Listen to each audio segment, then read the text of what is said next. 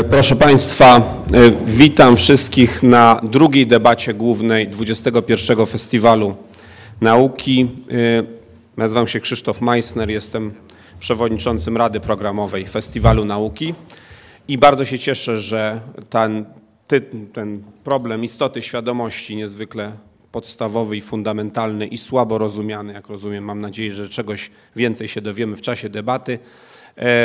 Zapraszam na wszystkie debaty główne, na wszystkie imprezy festiwalowe, których jest około 500. Cały ten tydzień aż do przyszłej niedzieli e, są imprezy dla dzieci, starszych. E, Każdy może coś znaleźć. Zapraszam na stronę festiwalu, na której cały program jest uaktualniany. Są pewne zmiany, także proszę zawsze spojrzeć przed przyjściem. E, Otwieram drugą debatę główną. Zapraszam pana profesora Lesynga do poprowadzenia tej debaty.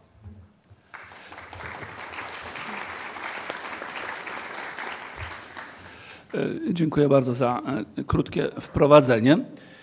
Proszę Państwa, e, e, porwaliśmy się na dość trudny temat. Istota świadomości jest jednym z najtrudniejszych problemów, ja bym powiedział, nauk przyrodniczych obecnie, jednym z najtrudniejszych. Wczoraj mieliśmy taką debatę na temat nierozwiązanych problemów, jeżeli chodzi o fizykę i nauki przyrodnicze, i tam w szczególności świadomość pojawiła się jako jeden z tych tematów, który wymaga jakby no szczególnej uwagi i poważnych badań e, e, z, z wykorzystaniem możliwie dobrze zdefiniowanych metod badawczych nauk przyrodniczych. E, Chciałbym powiedzieć, że udało nam się zebrać bardzo dobrych specjalistów i w szczególności mamy tutaj pana doktora habilitowanego Roberta Filipkowskiego z Instytutu Medycyny Doświadczalnej i Klinicznej Polskiej Akademii Nauk, e, pana profesora Wojciecha Maksymowicza z Uniwersytetu Warmińsko-Mazurskiego Wydziału Nauk Medycznych, profesora Piotra Durkę z Wydziału Fizyki Uniwersytetu Warszawskiego. E, oraz profesora Wło- Włodzisława Ducha, również fizyka z Instytutu e, Fizyki Uniwersytetu Mikołaja Kopernika e, w Toruniu. E, Ja się nazywam Bogdan Lesynk, pracuję na Wydziale Fizyki Uniwersytetu Warszawskiego w Zakładzie Biofizyki e, oraz pracowni bioinformatyki Instytutu Medycyny Doświadczalnej i Klinicznej PAN. E, Pozwolę sobie dać krótki wstęp, po czym oddałbym głos e, naszym specjalistom. Dyskusja wyglądałaby w ten sposób, że każdy ze specjalistów mniej więcej około 10 minut miałby do przedstawienia poglądu na, na to, czym jest świadomość w oparciu o własne doświadczenia naukowe i praktyczne. E, Po czym prawdopodobnie byłaby taka króciutka druga runda uwag do tego, co zostało powiedziane przez wszystkich panelistów lub przez niektórych specjalistów, po czym byśmy oddali głos Państwu, żebyście mogli zadawać pytania. E, No to co warto powiedzieć, to że w ciągu ostatnich lat zainteresowanie tą tematyką zwiększa się, jest y, naprawdę spore.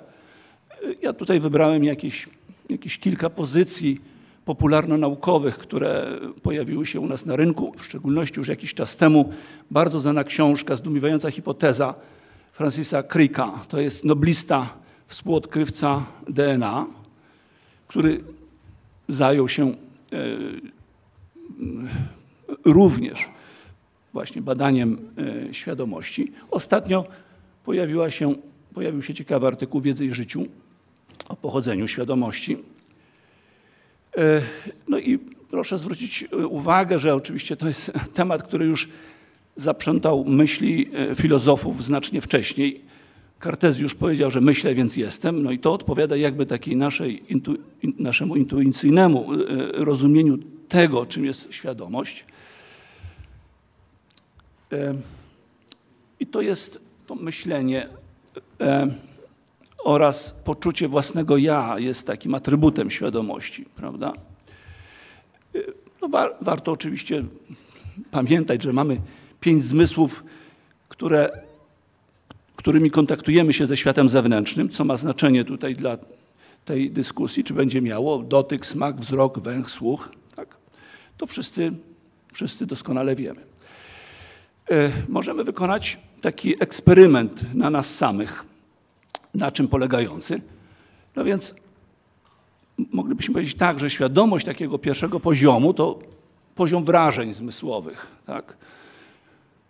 Patrzę, widzę kogoś e, i obiekty wokół nas i rozumiem, że to ja widzę, prawda? No ale jeżeli zastanowię się chwilę, to zyskuję, mogę uzyskać świadomość tego, że jestem świadomy. Tak? Jestem świadom tego, że jestem świadomy. No to jest coś nowego. E, No można się oczywiście zastanowić dłużej i uświadomić sobie, że mam świadomość swojej świadomości, tego, że jestem świadomy. Otrzymuję więc jakby świadomość wewnątrz świadomości. Można ten proces iterować dalej.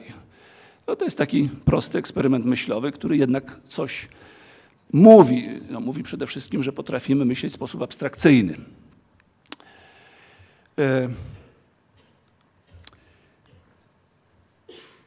Mamy szereg pytań, które spróbujemy, trudno powiedzieć, czy damy zdecydowaną odpowiedź. W każdym bądź razie spróbujemy je w jakiś sposób choćby powierzchownie omówić, a podczas pytań być może pogłębić. Więc no przede wszystkim jest pytanie, czy świadomość jest pojęciem subiektywnym czy obiektywnym. No to, że jest pojęciem subiektywnym, to wszyscy- się zgodzimy, tak? Mamy takie poczucie świadomości wewnętrzne. No ale pytanie, jeżeli to jest pojęcie obiektywne, to czy można wy, wyjaśnić to pojęcie w oparciu o prawa nauk przyrodniczych? Najlepiej naturalnie z, wy, z wykorzystaniem sformalizowanych metod matematycznych praw fizyki oraz informatyki, w tym neuroinformatyki. To są dziedziny, które się bardzo aktywnie rozwijają. No, warto też zwrócić uwagę, że analiza świadomości poza odwołaniem się do praw fizyki musi uwzględniać procesy biologicznej ewolucji. E, No, różnimy się czymś od zwierząt. Świadomość kiedyś zapewne pojawiła się. Pytanie jest, czy w jakim stopniu zwierzęta są świadome swojej tożsamości.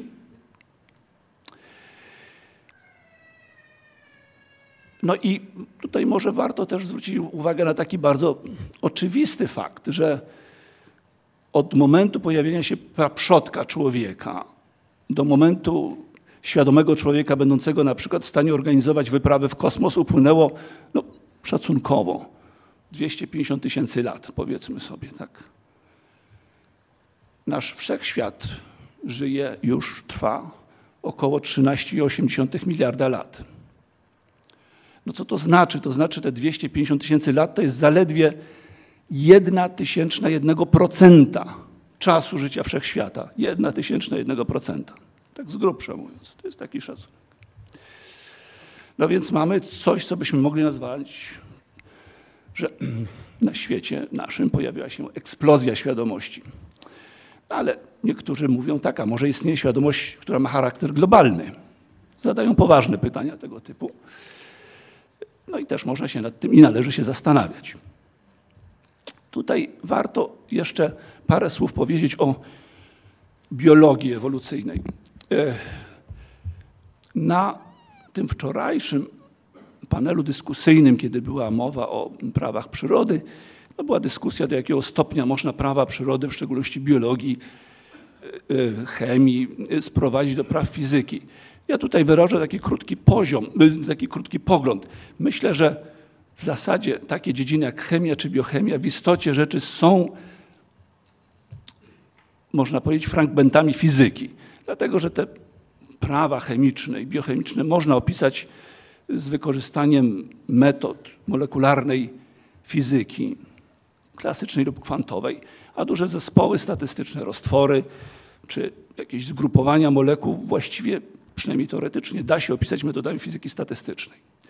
Ale z biologią już tak łatwo nie jest. Mianowicie biologia tym się różni od innych nauk przyrodniczych, że posiada taki silny element związany z objaśnianiem praw obserwacji biologicznych, związany z e, ewolucją. Ewolucjonizm jest ugruntowaną dziedziną biologii. Pytanie, czy można prawa ewolucji objaśnić, czy zredukować do praw fizyki? No nie bardzo. Przynajmniej jeżeli chodzi o moją wiedzę, to w zasadzie są to takie prawa, które są, musimy pewne reguły zdefiniować ekstra, jakby poza fizyką. I wtedy to, to da się już biologię również objaśniać e, metodami nauk przyrodniczych, pamiętając o tych regułach ewolucyjnych. Należy też pamiętać, że oprócz świadomości mamy podświadomość, która czasami jest nazywana szóstym zmysłem. Podświadomość komunikuje się ze światem zewnętrznym. I to jest właściwie tyle, jeżeli chodzi o mój wstęp. I teraz chciałbym oddać głos naszym specjalistom. Pomysł jest taki, żeby najpierw mówić o świadomości u zwierząt od strony eksperymentalnej, potem u ludzi, potem byśmy powiedzieli sobie coś o podglądaniu działania mózgu metodami e, z wykorzystaniem metod współczesnej technologii i metod e, informatycznych. No i na końcu e, profesor Duch spróbowałby nam powiedzieć o świadomości na nieco wyższym poziomie abstrakcji. Więc w kolejności e, poprosiłbym najpierw pana doktora, żeby nam powiedział o żebyśmy dowiedzieli się czegoś o świadomości u zwierząt. Potem miałby wystąpienie pan profesor Maksymowicz o świadomości u ludzi, o śpiączkach, potem profesor Durka i potem profesor Duch.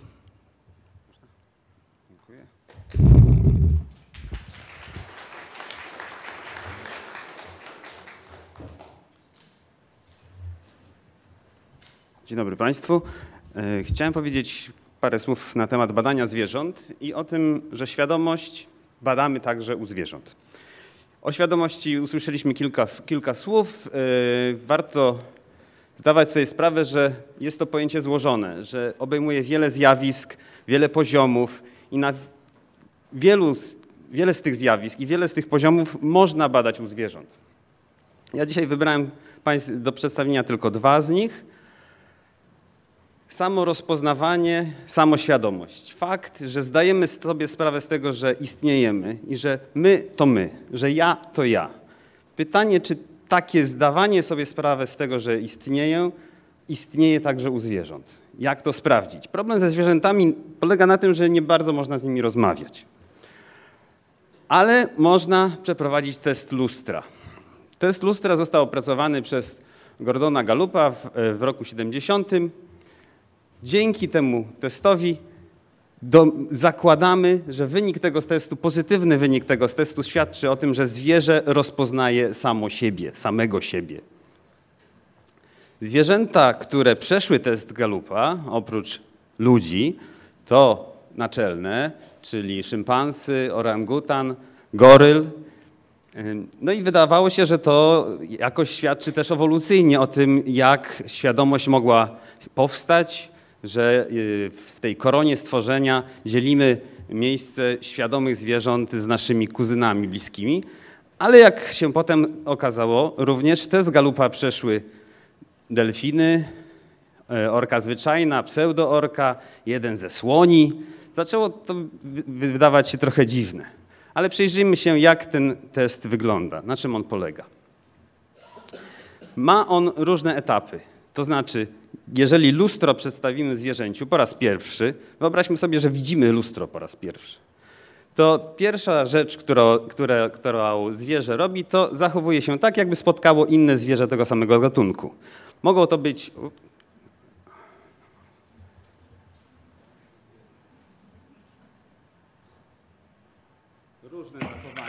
Społeczne, na przykład agresja. The first stage is social. The animal sees its reflection and simply sees a stranger. Może, może to Your dogs być. and cats will do this, and sometimes act aggressively towards the image, or will be also their Czy jest reflection. szansa, żeby włączyć dźwięk? Tak. Y,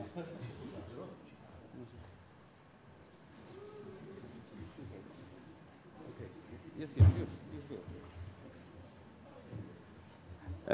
już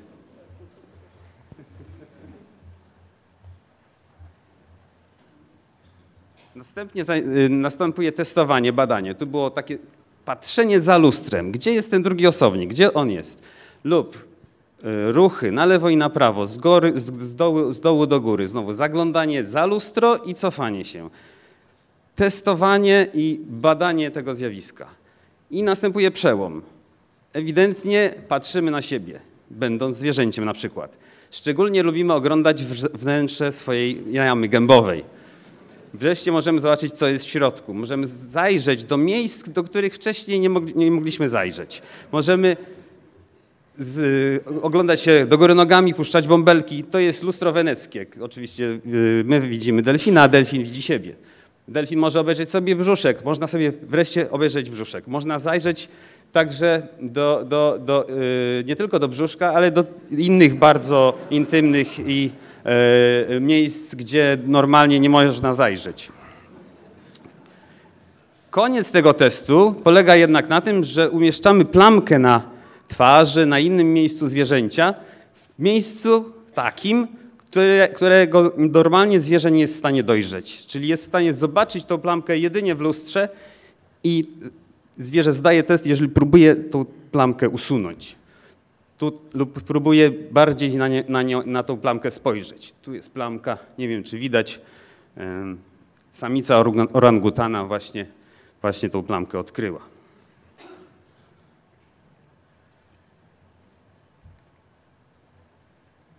Ten test y, też przeprowadzamy u ludzi. Mo- Możemy, możemy prowadzić ten test u ludzi. Proces, który obserwujemy, jest podobny.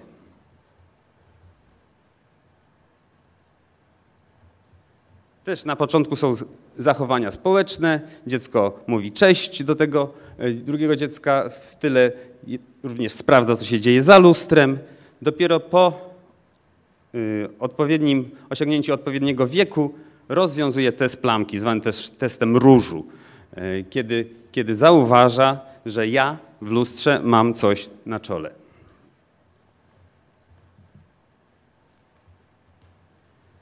Ten test wydawał się umożliwić nam wgląd w to, kiedy w ewolucji świadomość się pojawiła.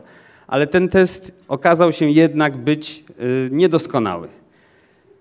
Niedoskonały chociażby jeśli chodzi o samych ludzi. Okazuje się, że niektóre dzieci z niektórych kultur aż do wieku 6 lat nie rozpoznają się w lustrze.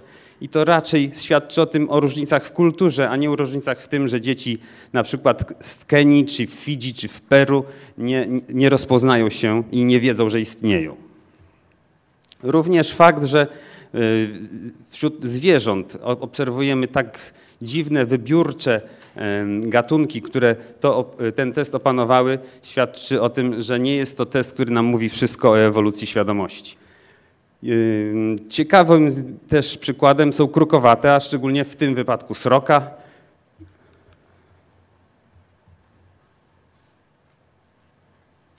która też się rozpoznaje w lustrze.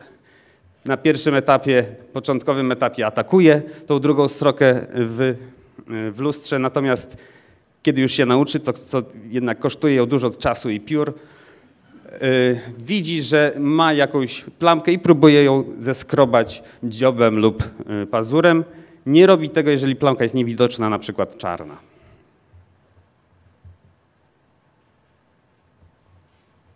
Okazało się, że także, że ten test mogą się nauczyć zwierzęta, które generalnie tego testu nie zdają. Na przykład rezusy i wiele innych zwierząt, większość goryli, o których mówiłem, że zdały test, ale część zwierząt patrzy na tego osobnika w lustrze z agresją. Patrzy jako obcego osobnika, generalnie spodziewa się ataku. Mm, Sam, czasami samo patrzenie się na innego osobnika oznacza, e, oznacza pewnie, pewne zaproszenie do, do zachowań agresywnych. Ale okazuje się, że można nauczyć zwierzęta rozwiązywania testu e, lustra.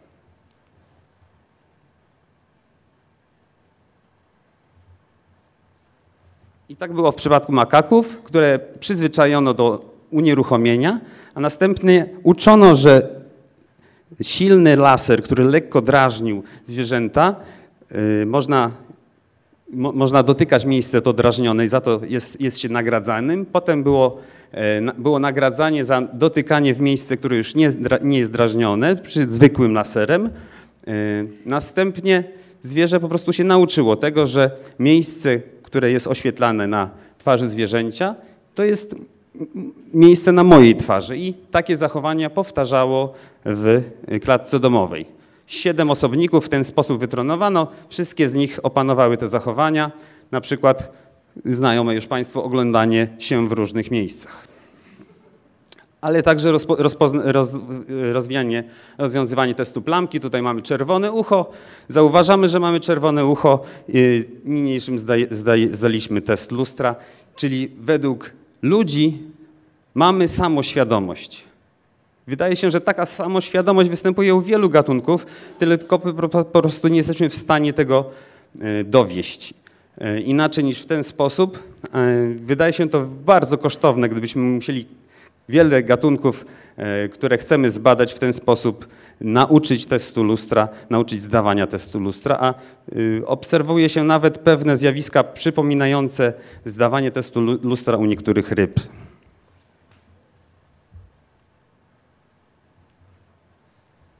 Inna e, rzecz, która jest badana, inne zjawisko dotyczące świadomości, które jest badane, które jest badane także u, u zwierząt, to teoria umysłu. Żeby wprowadzić do tego, jak to jest badane, e, chciałbym coś zademonstrować. To jest e, pudło zawierające urządzenie biurowe. Mm, Znane Państwu. E, Jak Państwo sądzicie, co jest w środku? Czyli? Dru- drukarka, drukarka według pana. To, czy państwo się zgadzacie, że to jest drukarka? Czego państwo się spodziewają, że w środku znajdzie, że?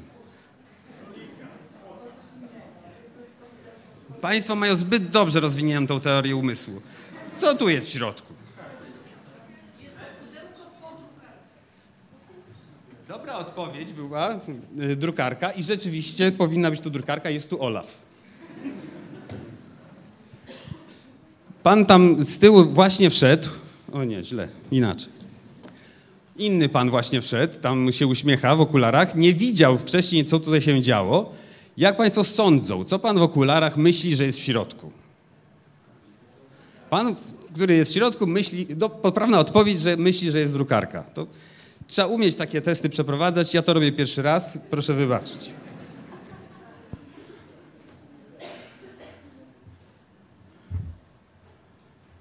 Otóż trzylatek lub trzylatka odpowie, odpowie, że jest w pudełku po kredkach, yy, że w środku są kredki. Kiedy się pudełko po kredkach, tak jak tutaj pani mówiła, że to jest po kredkach pudełka, otworzy, a w środku będą rodzynki, no to się zdziwi. Natomiast pytane, co myślał o, o tym piesek, którego tego nie widział, powie, że tam są rodzynki, że myśli, że tam są rodzynki. Nie rozróżnia tego, że ktoś może inaczej myśleć, myśleć niż jest, że ktoś może inaczej myśleć niż ja, że w ogóle inni ludzie mogą inaczej myśleć. Na tym polega teoria umysłu. To jest nie trochę niefortunna nazwa, ale teoria umysłu to założenie, że inne osoby, inne zwierzęta myślą i mogą myśleć inaczej niż my. Testowanie tego, takiej teorii umysłu, na przykład u zwierząt, znowu musi polegać na tym, że jakoś trzeba sprawdzić, co one myślą, a nie znowu nie możemy z nimi rozmawiać. Przynajmniej na razie. Ale możemy na przykład badać to, gdzie patrzą. Za pomocą specjalnych urządzeń możemy sprawdzać, gdzie, gdzie w, tym, w danym momencie spoglądają, patrzą.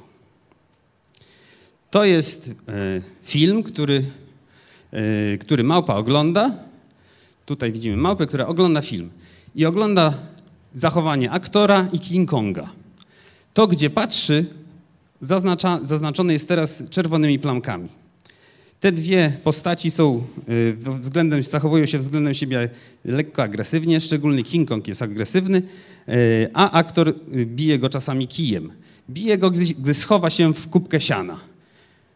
Aktor spojrzał, zobaczył, że King Kong się schował w prawej kubce siana. King Kong uciekł. Aktor wraca z kijem i według goryla, gdzie uderzy? Raczej tu, raczej tu. E, Może tu? Nie, raczej tu. Teraz King, y, y, mm, mamy kamień, który zabrał aktorowi King Kong, schował w, do pudełka po lewej stronie, co widział aktor. Aktor jest przepędzony teraz przez King Konga. King Kong zabierze kamień, żeby naszego obserwatora małpę jeszcze trochę y, zdezorientować, przełożył ten kamień i uciekł. Wraca aktor, przyglądamy się aktorowi, patrzymy jak przyciąga dwa pudełka i gdzie spodziewamy się, że aktor będzie próbował znaleźć kamień. Tam, gdzie ostatni raz aktor widział ten kamień, chociaż go tam w ogóle już nie ma. Większość badanych małp patrzyła tam, gdzie King Kong był i się chował przed, y, przed y, mm, uderzeniem, lub kamień został schowany po raz ostatni. Tam, gdzie obserwator, aktor spodziewał się, że, że King Kong czy kamień będzie się znajdował. Czyli ma, ten wzrok spojrzenia małp świadczyły o tym, że zakładają, co myśli y, aktor i że będzie działał tak, jak myśli, chociaż te jego przekonania są fałszywe. Również teorię umysłu badano u kruków i to już szybciutko pokazano, że kruk, który spodziewa się, że inny kruk go obserwuje, chociaż nie ma żadnego kruka, jest bariera z dziurką, przez którą kruk może mógłby patrzeć, ale tam nie ma ptaka, jest tylko nagr- nagrany głos. Taki kruk będzie szybciej chował jedzenie i będzie rzadziej poprawiał to miejsce ukrycia. Czyli ten, to, to, to zwierzę wie, domyśla się, zakłada, że jest obserwowane i że trzeba się, że, że, że jest obserwowane i ten inny kruk myśli, jak zabrać mu owo, owo jedzenie. Jeden i drugi przykład poka- chciałem Państwu pokazać, że świadomość w pewnym sensie jesteśmy w stanie badać u zwierząt, że obserwujemy ją u zarówno ssaków, jak i także ptaków i że tak naprawdę jeszcze niewiele wiemy na ten temat. Bardzo dziękuję i przepraszam, że przedłużyłem.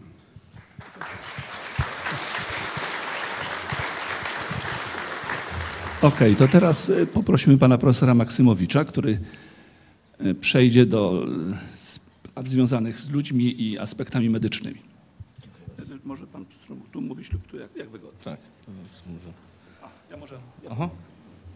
Y, Panie i panowie, to ja jako prosty neurochirurg nie będę się wdawać w jakieś y, rozważania y, szersze poza strukturą i funkcją. E, Na tym się skupię, e, na przykładzie człowieka, no bo tym się zajmuję na bieżąco. Co prawda, no, dawno temu na, na tym samym terenie pracowałem w Zakładzie Fizjologii Człowieka na krakowskim przedmieściu i tam zajmowaliśmy się na modelach zwierzęcych. No ale, ale tym razem przejdziemy od razu do człowieka.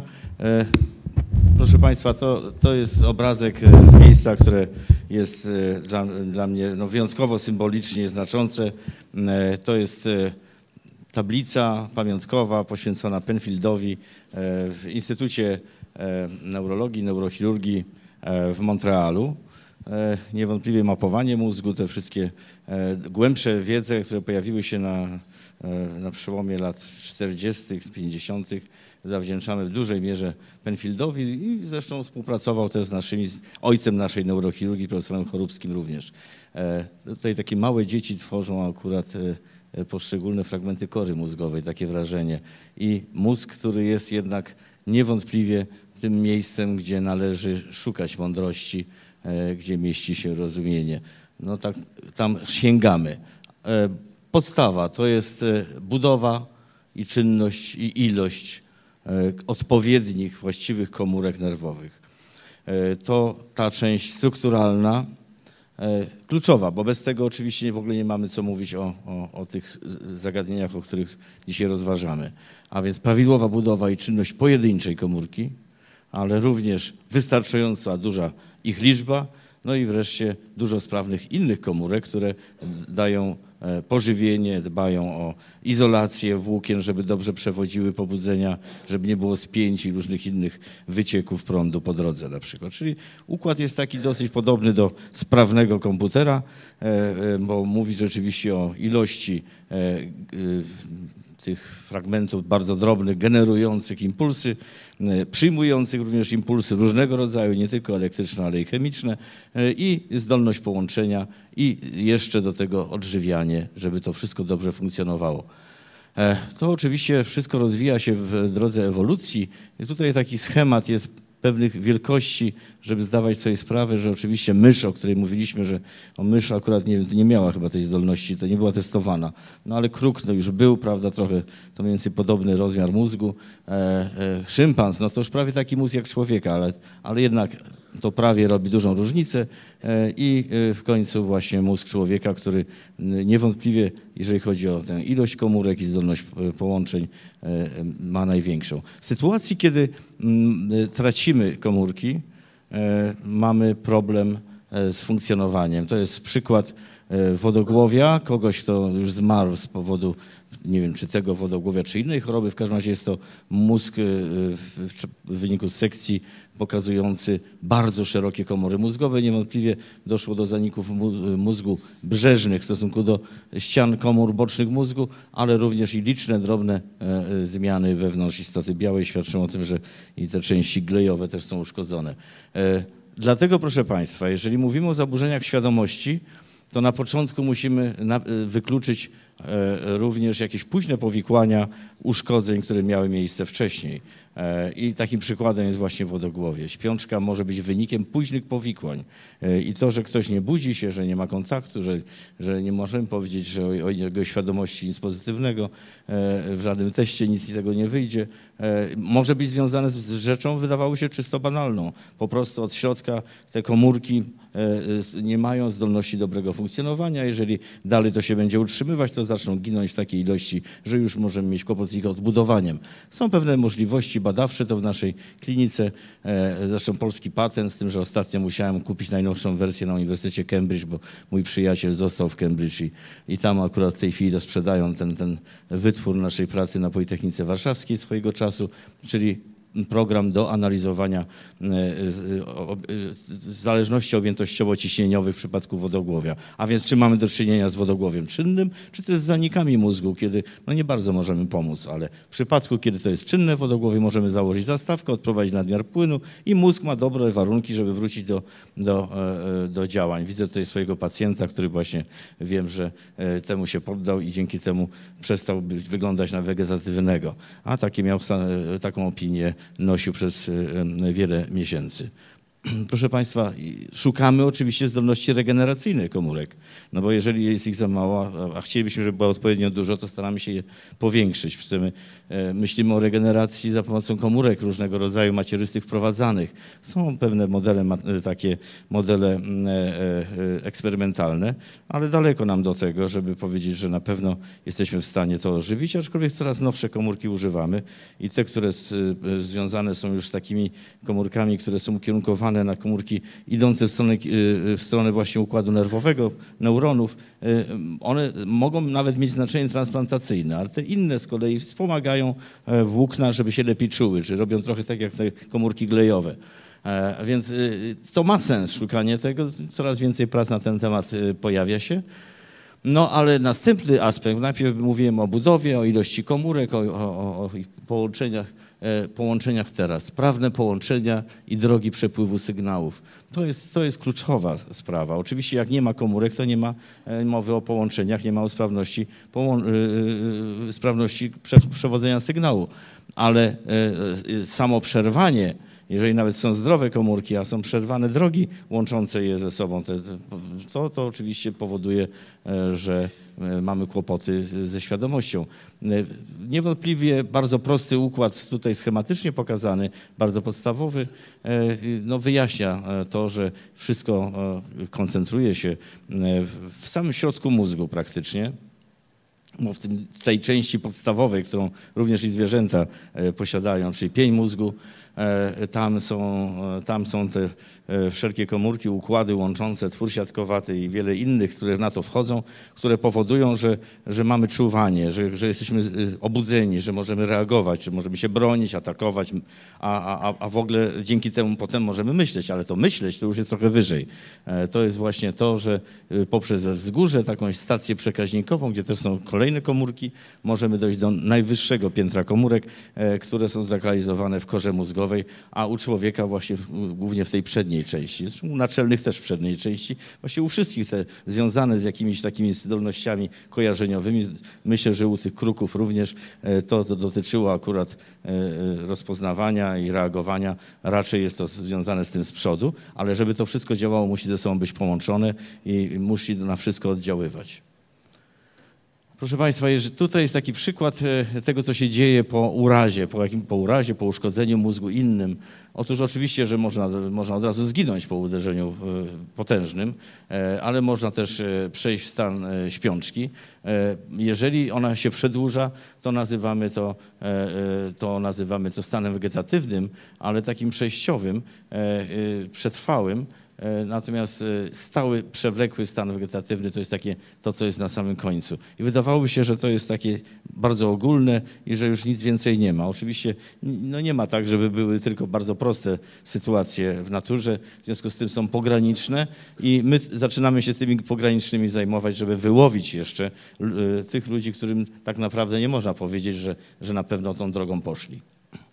E, I oczywiście, rzeczywiście w tej samej pracy, to jest Lancet z 97, a więc e, e, bardzo dawno temu, bo już 20 lat, podano, że są dane, że bardzo często popełniamy błędy. Te błędy się zdarzają niestety w ocenie. Mówimy, że to jest stan wegetatywny, a wcale nie jest to stan wegetatywny, tylko nie mamy narzędzi, żeby dojść do tego, czy ten mózg funkcjonuje na wyższym poziomie niż ten podstawowy dotyczący głównie pnia i okolic. A więc podstawą niewątpliwie jest dobra diagnostyka. W kuluarach sobie mówiliśmy, że no, to jest e, zadanie przed nami stojące cały czas i mamy pewne narzędzia, to są stare narzędzia, które udoskonalamy poprzez możliwości technologiczne, są nowsze narzędzia, ale wszystko razem. Niewątpliwie, jeżeli wiele narzędzi naraz użyjemy, to też to jest taka nasza teza, teraz ją testujemy, że wiele narzędzi naraz daje szansę wykorzystać różne modalności i może z tego potem nakładające się wyniki mogą nam pokazać, że ten ktoś ma większe szanse e, wyjść z wielkiej trudności, a więc e, nowoczesne narzędzie, którym jest rezonans magnetyczny. E, U nas na uniwersytecie mamy taki trzyteslowy e, zdo- z możliwością wykonywania e, czynnościowego badania rezonansu. E, Zresztą badanie czynnościowe w rezonansie magnetycznym związane jest z, pewną, e, z pewnym takim fenomenem e, fizycznym, że mianowicie większa aktywność mózgu w jakimś obszarze spowoduje, że większa ilość krwi tam przepływa. Jeżeli ta krew jest utlenowana, to mamy ten sygnał rejestrujemy. I to jest właśnie to, co możemy zobaczyć potem w badaniu. Tutaj mamy takie gogle, Wielka Orkiestra Świątecznej Pomocy. E, Może nie wszyscy ostatnio ją kochają, ale ona bardzo pomaga ludziom. E, Nam też pomogła, bo to kosztowało prawie pół miliona, takie same gogle, które pozwoliły na to, żeby zobaczyć, e, żeby wrzucać ludziom, którzy no, wyglądają na nieprzytomnych, wrzucać obrazy i zainteresować ich, żeby potem zobaczyć w rezonansie, co z tym się dzieje. I jeszcze elektroencefalogram też jest wykonywany w celach badawczych równolegle. E, Mamy możliwość e, modal- modalności wzrokowej, odpowiednia część kory mózgowej się aktywizuje, również słuchowej, e, różne twarze możemy pokazywać, zdjęcia, ruch, który powoduje, że aktywizują się obszary związane z ruchem, nie tylko te korowe, ale również muszczkowe, bo wiadomo, że muszczek też za to odpowiada. I wreszcie mamy też takie doniesienia, jak przed siedmiu laty taka znacząca praca mówiąca o tym, że prze- przebadano 54 chorych i spośród nich no, u pięciu stwierdzono, e, e, że te osoby tak samo wyglądające z zewnątrz na osoby jak gdyby były w stanie wegetatywnym, e, u tych osób e, były zdolności jak gdyby e, modulowania czynności mózgu zależnie od e, tego, co, e, co się działo. Tak? E, a jedna z tych osób wręcz była zupełnie przytomna i to stosowano jako e, narzędzie do mówienia tak, nie. Nie miała żadnej innej możliwości, bo była właśnie w stanie zamknięcia, czyli czymś zupełnie innym, ale dla zewnątrz, dla osób nie, nie do zauważenia. Wyjątkowo trudna sytuacja, bo ktoś w pełni przytomny nie ma żadnej zdolności kontaktu z otoczeniem. Okazało się, że, że czynnościowy rezonans magnetyczny mógł być użyty do tego, żeby zastosować proste zadanie. Pierwszy raz ten ktoś się skontaktował z otoczeniem, ponieważ nie ruszał niczym, no, ani oczami, ani ni- no to, to ruch, oczyma to już pozwala nam nawiązać kontakt, nawet pisać książki. Natomiast tutaj mamy jeszcze e, przepływ mózgowy, różne e, e, możliwości badania przepływu mózgowego za pomocą medycyny nuklearnej. To się robi badanie no, albo PET, albo SPECT w tomografii komputerowej. Po- Potencjały wywołane, to jest cała neurofizjologia tu dochodzi. To kluczowa sprawa, bo wiadomo, że jednak przecież efektorem tych naszych działań mózgu jest również czynność elektryczna mózgu, którą możemy rejestrować, to już wiemy od dawna. E, I teraz tylko kwestia tego, co z tego możemy wyłowić. E, Rozwój neurofizjologii, no to jest, e, to jest właśnie Penfield, tradycja montrealska. To jest Penfield, który był doktorem honoris causa naszego Uniwersytetu Medycznego w Warszawie, czy Akademii Medycznej w Warszawie wtedy. To jest profesor Chorubski, a tu mój współpracownik, przyjaciel, profesor Tadeusz Bacia. Rok 59. W tym roku skończył pracować u mnie profesor Bacia. Powiedział, że już na, chyba już w 90 roku życia przestanie. Proszę Państwa, tutaj jest e, e, podręcznik e, Lindsleya, który pokazuje, że w pierwszych, w pierwszych 30 latach XX wieku gro odkryć dotyczących elektroencefalografii miało miejsce w Polsce, w Rosji, na Ukrainie. I takie nazwiska jak Adolf Beck, polski neurofizjolog, rektor Uniwersytetu Jana Kazimierza w Lwowie, no, był odkrywcą razem z Napoleonem Cybulskim elektroencefalografu, tyle że akurat oczywiście Katon wcześniej trochę to opisał, ale na pewno oni byli razem e, z Cybulskim e, autorami pierwszej rejestracji napadu padaczkowego wywołanego stymulacją elektryczną mózgu u psa. E, Także to są niebywałe historie. Niestety popełnił samobójstwo, bo był Żydem i nie dano mu żyć, e, jak Niemcy przyszli tutaj. E, Cybulski, jego nauczyciel w sumie z Uniwersytetu Jagiellońskiego. Warto o tym powiedzieć. To pierwsze rejestracje, 1914 rok, które właśnie pokazują napad wywołany stymulacją mózgu. Czyli to były pewne takie korzenie naszej działalności. No, Polska jest bardzo mocna w sumie w neurofizjologii. Jak leczyć takich pacjentów? Cały czas przede wszystkim neurorehabilitacja, bodźcowanie, oddziaływanie wszelkimi sposobami. W pewnym stopniu również pomoc e, farmaceutyczna, ale niestety bardzo ograniczonym zakresie, ale również stymulacja magnetyczna zewnętrzna, przeskórna stymulacja elektryczna nerwów i eksperymentalne metody, czyli stymulacja już bardziej bezpośrednia dotycząca układu ośrodkowego nerwowego, czyli e, rdzenia kręgowego czy też mózgu. Jak i terapia komórkowa, o której mówiłem. Neurorehabilitacja, najlepszy przykład zintensyfikowanej neurorehabilitacji to jest budzik w Warszawie, e, Centrum Zdrowia Dziecka. Tam po prostu wszyscy ogniskują się na tym, żeby te dzieci e, ożywiać jak tylko można, na wszelkie sposoby. To jeden z leków, który był stosowany e, obiecująco, amantadyna. Nadal stosowana stymulacja magnetyczna, no i wreszcie sty- stymulacja elektryczna rdzenia kręgowego, to co my stosujemy ostatnio. Jeżeli tylko włączymy na sekundkę przez ten i już zaraz kończę prezentację. Tu mamy właśnie przykład operacji. Pierwsza operacja, którą wykonaliśmy, mm, wszczepiając stymulator e, e, górnej części rdzenia szyjnego, blisko połączenia z głową, oddziaływanie e, na, na, na ten, tę część mózgu, również na układ współczulny powodujący m, poszerzenie łoża naczyniowego mózgowego. Profesor Morita akurat e, żegna się bardzo, oni bardzo są, mają takie, jak, jak, jak, jak muszę powiedzieć, jak, na, e, jak w filharmonii, prawda, dyrygent, e, proszę Państwa, z wszystkimi po kolei. Wyniki, no sobie dyskutowaliśmy, Pi- 15 e, osób, to, to żadna statystyka oczywiście. Na pewno wpływają również inne sprawy, czas zachorowania, długotrwałość postępowania i zmienne przyczyny również pierwotne, jakie są.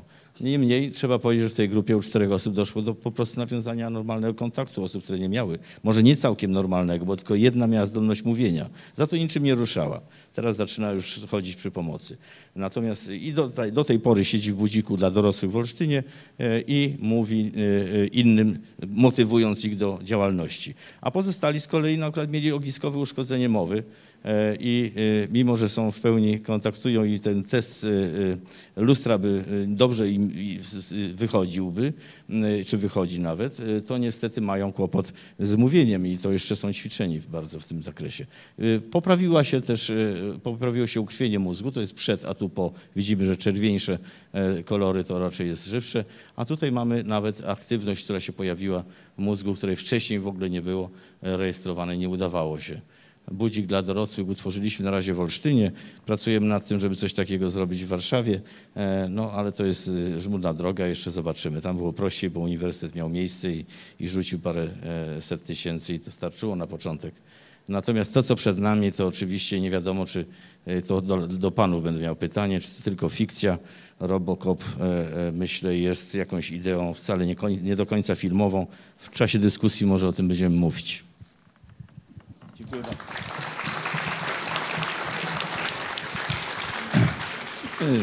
Dziękujemy bardzo. I e, teraz profesor Durka, tylko przełączymy komputer, opowie nam trochę właśnie o takich metodach podglądania pracy mózgu z wykorzystaniem e, interfejsów mózg-komputer w szczególności. Dziękuję bardzo. Ja spróbuję opowiedzieć o tym, jak prosty fizyk próbuje się przyłożyć do polepszenia tej diagnostyki, o której pan profesor powiedział, a przy okazji to się wiąże też z takimi modnymi tematami typu podsłuchiwanie myśli, czy też interfejs mózg-komputer.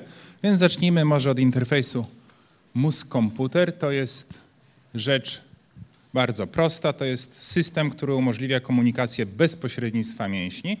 To znaczy, że komendy, świadomy przekaz musimy odczytywać gdzieś z mózgu, tam gdzie te idee powstają. No i mamy po temu, tak jak wspominał pan profesor, mamy całą baterię różnych metod neuroobrazowania, które no, są do jednych rzeczy lepsze, do drugich gorsze. Można by o tym wszystkim długo mówić. My zajmijmy się tym najczęściej używanym elektroencefalografem.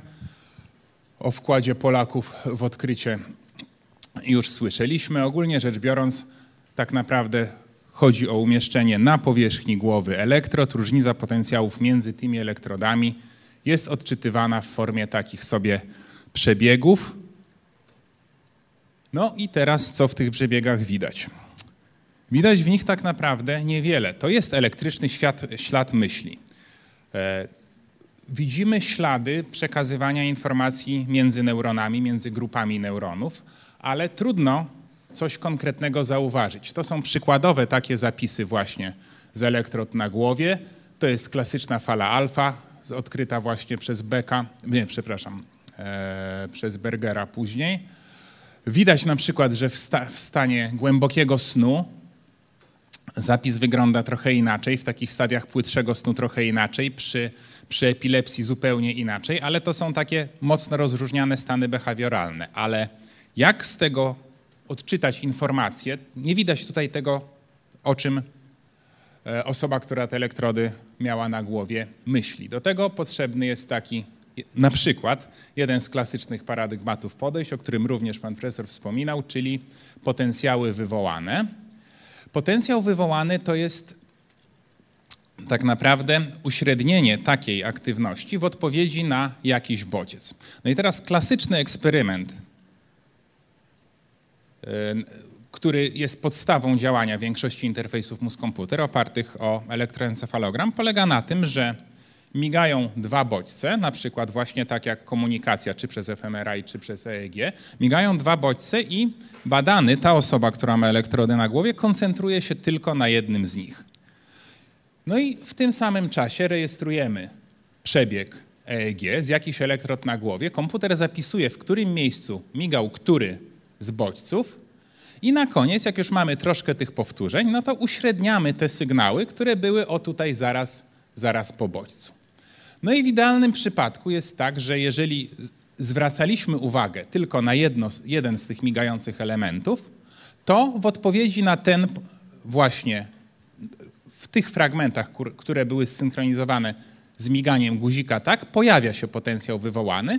Jeżeli uśredniamy te w odpowiedzi na bodziec, na który pacjent czy osoba nie zwracał uwagi, to dostajemy coś no mniej więcej płaskiego. Oczywiście to jest mniej lub bardziej wyraźne, tutaj jest bardzo fajna matematyka, można to na różne sposoby usprawniać, ale to jest znane od kilkudziesięciu lat potencjał wywołany, który ten się akurat nazywa P300, on występuje w odpowiedzi na bodźce, na które zwracamy uwagę. I to jest bardzo ważne, bo w ten sposób możemy odróżnić, na co osoba zwracała uwagę, nie pytając jej o to, tak? To jest święty gral psychologii, korelaty neurofizjologiczne, nie, nie jest introspekcja, nie jest czy pan zauważył, czy pani zauważyła, nie. Jeżeli ktoś zwracał uwagę na to, to można po uśrednieniu iluś tam powtórzeń zobaczyć to w zapisie EEG. No i w ten sposób można też przekazywać informacje tak naprawdę. Tak się właśnie robi interfejsy mózg-komputer, to się troszkę tam optymalizuje, żeby powiedzmy migały wiersze i kolumny. No i teraz jeżeli ja liczę, ile razy mignie literka U, to potencjał pojawia się wtedy, kiedy miga literka U. Na, w odpowiedzi na inne wiersze i kolumny tego potencjału nie będzie. W ten sposób mogę przekazywać informacje. To jest świadomy przekaz informacji z mózgu. Ja się koncentruję, chcę powiedzieć tak albo nie, to liczę, ile razy mignęło tak albo nie i bez pośrednictwa mięśni przekazuję informację. No i to niestety wszystko, jeżeli chodzi o interfejsy mózg-komputer. Jest to bardzo proste. Jak widać, podstawowy paradoks nie jest to podsłuchiwanie myśli. W EEG myśli jako takich, czy też w innych technikach neuroobrazowania, wedle mojej najlepszej wiedzy, myśli nie widać, ale możemy widzieć ślady mniej lub bardziej świadomie generowanej uwagi.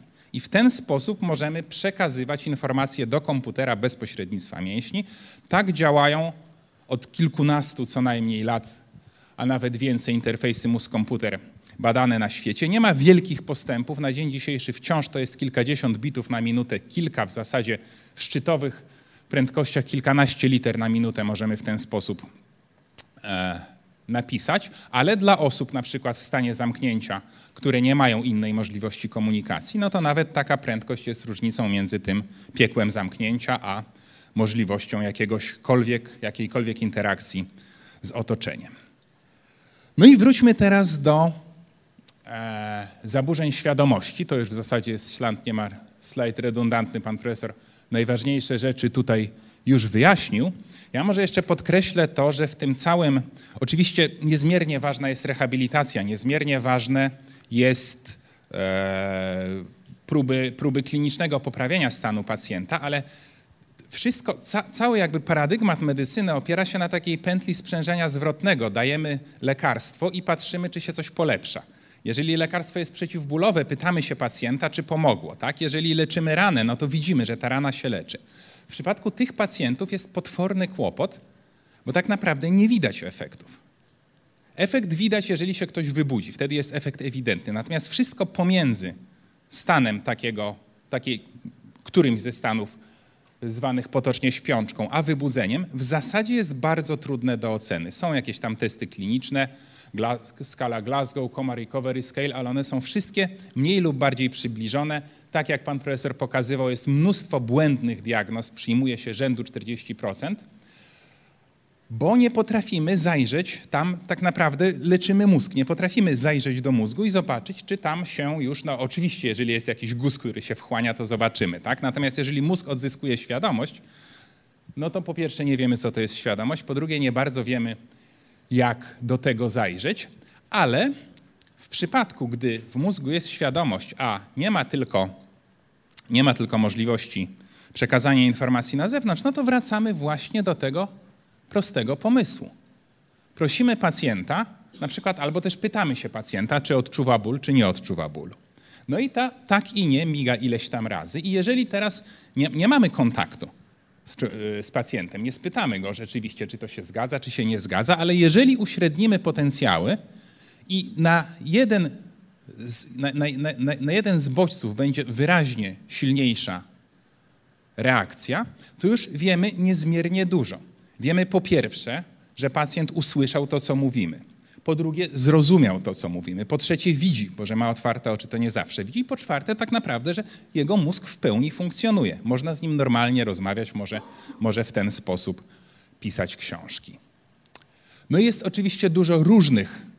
W tej chwili właśnie w klinice Budzik tego typu badania prowadzimy. Próbujemy bardzo różnych podejść. Potencjały wywołane, czuciowe, wzrokowe, słuchowe, wyobrażenia ruchu i też jeszcze przy okazji taki prosty pomysł, od tego się zresztą wszystko zaczęło, że sen, jeśli mózg funkcjonuje poprawnie, no to w czasie snu widzimy takie klasyczne stadia.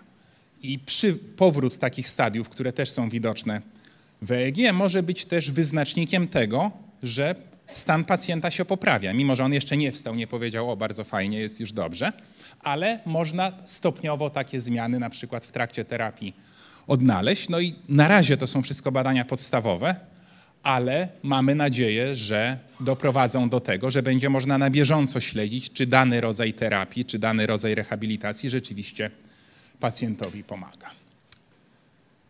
No i na koniec jeszcze, skoro mówimy o świadomości, to chciałem taki sceptyczny wstęp do następnej części na temat złożoności mózgu. Ostatnio, czy nie ostatnio, od dawna są modne takie właśnie stwierdzenia, że jeżeli ktoś tak dobrze mózg pokroimy, sprawdzimy jaki on, jakie tam są połączenia dokładne, to możemy później ten cały mózg przenieść do cyberprzestrzeni i ta nasza świadomość, cokolwiek by to nie było, w tej cyberprzestrzeni już sobie będzie dalej funkcjonować. Tak zresztą jest cała całkiem poważna grupa ludzi, która właśnie na coś takiego liczy.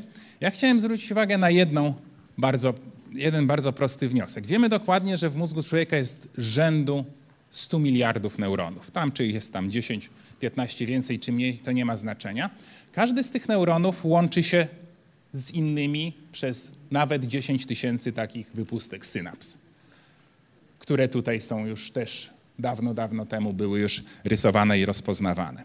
No i teraz, nawet jeżeli przyjąć, że każda taka synapsa jest tylko i wyłącznie zwykłym drutem, tam zachodzi ogromnie dużo niezmiernie skomplikowanych procesów fizykochemicznych, których bardzo wielu z nich jeszcze nie rozumiemy, ale nawet jeżeli przyjąć, że to, jest, to po prostu są to zwykłe druty i po nich przechodzą te, jak w najprostszym modelu Hodgkina-Huxleya, przechodzą po nich tylko e, impulsy nerwowe, to nawet wtedy złożoność mózgu no, byłaby proporcjonalna do liczby różnych takich możliwych połączeń, nawet przy tym dramatycznym uproszczeniu. No więc policzmy sobie, ile takich połączeń może być. No to jest znany z kombinatoryki, ze szkoły średniej symbol Newtona, czyli liczba kombinacji po 10 tysięcy, no z tej liczby 10 powiedzmy do 11, czyli liczby neuronów. No i okej, okay, to można policzyć, tak? To wychodzi tam mniej więcej jedynka i 8 tysięcy zer dalej. No co z tego? No bardzo duża liczba, tak? No ale teraz właśnie popatrzmy, jak to się ma do liczb, które znamy. No liczba rozmiar wszechświata to jest 80 zer mniej więcej, jeżeli liczymy protony. Jeżeli patrzymy na wiek wszechświata, no to mamy 17 zer, tak? A tutaj złożoność pojedynczego mózgu to jest jedynka i 8 tysięcy zer dalej. To nie można powiedzieć, że to jest większe. To jest po prostu coś zupełnie, totalnie niewyobrażalnego, jeżeli chodzi o skalę, tak? Nie wiem, komputer, w którym to by się wszystko miało zmieścić, tak? Ten komputer musiałby być nieporównywalnie większy od całego naszego wszechświata. No może, okej, okay, można powiedzieć, że nie wszystko symulujemy, ale z kolei praktycznie, praktycznie jak popatrzymy na postęp czegoś takiego, tam mieliśmy 100 miliardów neuronów. To jest dość skomplikowane, ale są dużo prostsze organizmy. No, oczywiście problemem zasadniczym też jest to, że każdy mózg jest inny. Do tego też pewnie jeszcze dzisiaj wrócimy. Natomiast jest taki prosty robaczek, który się nazywa C. elegans i on ma dokładnie 302 neurony. Wszystkiego ma niecały 1000 komórek, neurony ma 302. Przepiękne jest to, że każdy robaczek ma dokładnie tak samo połączone wszystkie neurony, czyli można go badać do woli. Dokładnie wiemy każda synapsa, do którego neuronu przychodzi. To wiemy mniej więcej od lat 80.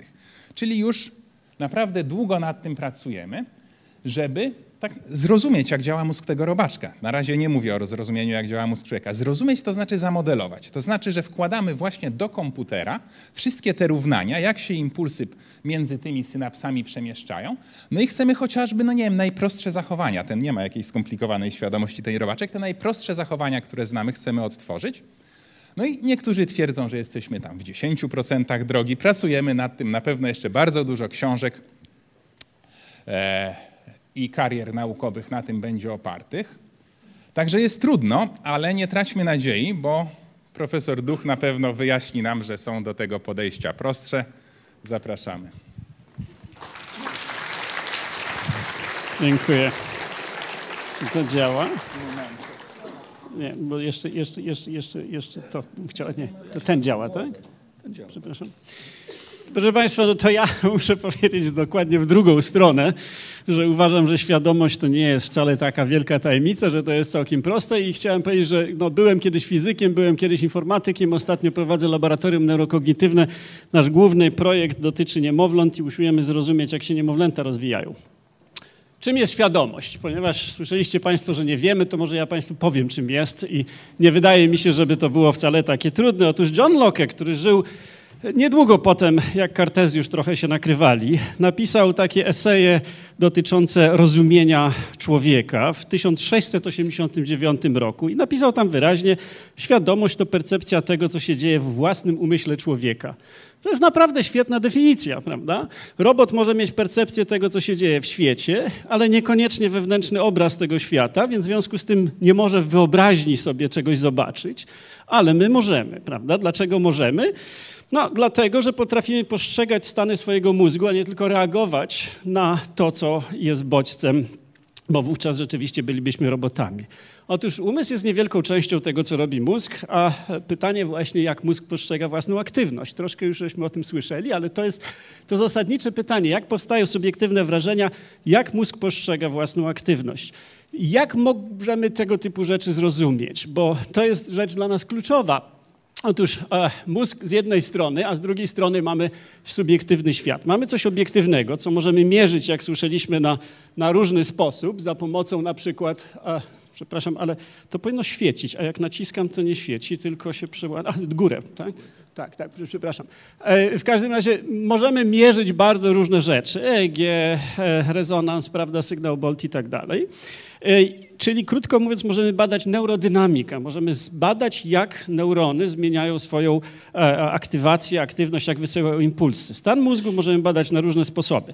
Problem w tym, że chcielibyśmy też stan umysłu zbadać, czyli opisać to, co się w nas dzieje, co przeżywamy. Czasami to jest łatwe. Teraz widzę Państwa i no, to jest bardzo złożone wrażenie wzrokowe, prawda? Ale czasami jest to bardzo trudne. Fenomenolodzy, czyli filozofowie, którzy w latach dwudziestych XX wieku próbowali to opisać, polegli zupełnie, prawda? E, Potem się pojawiła idea neurofenomenologii, bardzo ciekawa. To się jakoś tam rozwija, ale ogólnie opisanie tego, co jest naszym wewnętrznym doświadczeniem, jest bardzo trudne i dobrze zrozumieć dlaczego. Dlatego, że słowa pozwalają nam wskazywać na takie stany powtarzalne, dobrze odróżnialne, które się pojawiają w mózgu. Otóż to, że nie mamy dobrej fenomenologii, to jest duży problem i filozofowie o tym myślą. Sam napisałem taką, taki artykuł, jaka teoria umysłu nas w pełni zadowoli. Gdzie powstają wrażenia i dlaczego jesteśmy ich świadomi? Otóż jeśli mamy odpowiednio silną, spójną aktywację w całym mózgu, to wówczas ona może się odróżnić od tła tła, które jest szumem bardzo e, e, wysokim i w związku z tym to, co słyszymy i czujemy, to są aktywacje naszego mózgu, ale one muszą być dostatecznie jednoznaczne, spójne, żebyśmy je odróżnili od szumu. To, kiedy używamy na przykład rezonansu funkcjonalnego, to ten sygnał jest strasznie słaby. Stosunek sygnału do szumu jest naprawdę bardzo słaby. To jest nasz, nasz problem. Otóż w jaki sposób ja w tej chwili przekazuję Państwu do Waszych mózgów pewne aktywacje? No właśnie pojawiła się praca miesiąc temu, e, która nosi tytuł W jaki sposób prze, e, prze, prze, e, transmitujemy, powiedzmy, prawda, przekazujemy pamięć do innych mózgów. Otóż tworzymy taką wspólną neuronalną reprezentację poprzez metody komunikacji, czyli kiedy używamy słów albo gestów, to wówczas w waszych mózgach pojawia się podobna aktywacja, jest wspólna neuronalna reprezentacja. Tego typu badania dopiero się zaczynają naprawdę, żeby zobaczyć w jaki sposób podobne stany w mózgu, taki rezonans, prawda? Kiedyś sam napisałem też artykuł o tym, że komunikacja to rezonans między mózgami, to się, to się powoli zaczyna robić dość popularne. Otóż kiedy sobie coś wyobrażamy, gdzie to się dzieje i co się z tym dzieje? W całym mózgu, owszem, ale ludzie, którzy mają e, wyniki w takim teście żywości wyobraźni wysokie, są osoby, które mają kiepską wyobraźnię wzrokową, z pamięci nic nie narysują, jak zamkną oczy, nic nie widzą. Są osoby, które mają bardzo bujną wyobraźnię, jak Państwo wiecie, i w ogóle czasami nie odróżniają rzeczywistości od, e, od swoich wyobrażeń. Otóż jeśli się ma żywą wyobraźnię, co widać tutaj po tych krzywych, to wówczas się okazuje, że pierwotna kora wzrokowa jest dużo silniej pobudzona i to widać w rezonansie, widać w różnymi technikami. Czyli wyobraźnia wzrokowa związana jest z tym, że obszar zmysłowy doznań wzrokowych się silnie pobudza. Podobnie jest z innymi formami wyobraźni. I jeśli Państwo pomyślicie, jak działa wzrok, no to działa tak, że jest bardzo złożoną funkcją. Pół mózgu jest w tym zaangażowanych, Sygnał rozbija się na wiele różnych fragmentów takich, także różne części mózgu w różny sposób reagują na bodźce wzrokowe. Otóż, a jeśli chcemy zobaczyć, gdzie pojawia się w nas obraz taki, czy jak mózg może interpretować swój stan jako pewien obraz i to, co widzimy, no to musimy najlepiej się wkuć w neurony. To jest ten problem, który tutaj koledzy mają, że co prawda niektórzy sobie ogolili włosy, żeby było łatwiej, prawda? Ale to wiele nie pomaga, bo jednak czaszka jest gruba, prawda? Elektrody zbierają informacje z setek milionów neuronów. Bardzo niewyraźnie to widać. Z rezonansem jest podobnie, prawda? Patrzymy jednak na te sześcianiki malutkie, które zawierają e, setki tysięcy neuronów przynajmniej. A tymczasem, jeśli mamy e, e, elektrody, tych elektrod głowę ludziom się rzadko raczej udaje w, wbić, zwłaszcza wielu elektrod, ale w tej chwili jest to coś, co się pojawia tu i ówdzie jako ciekawa te, te, te technika, głównie u osób z padaczką.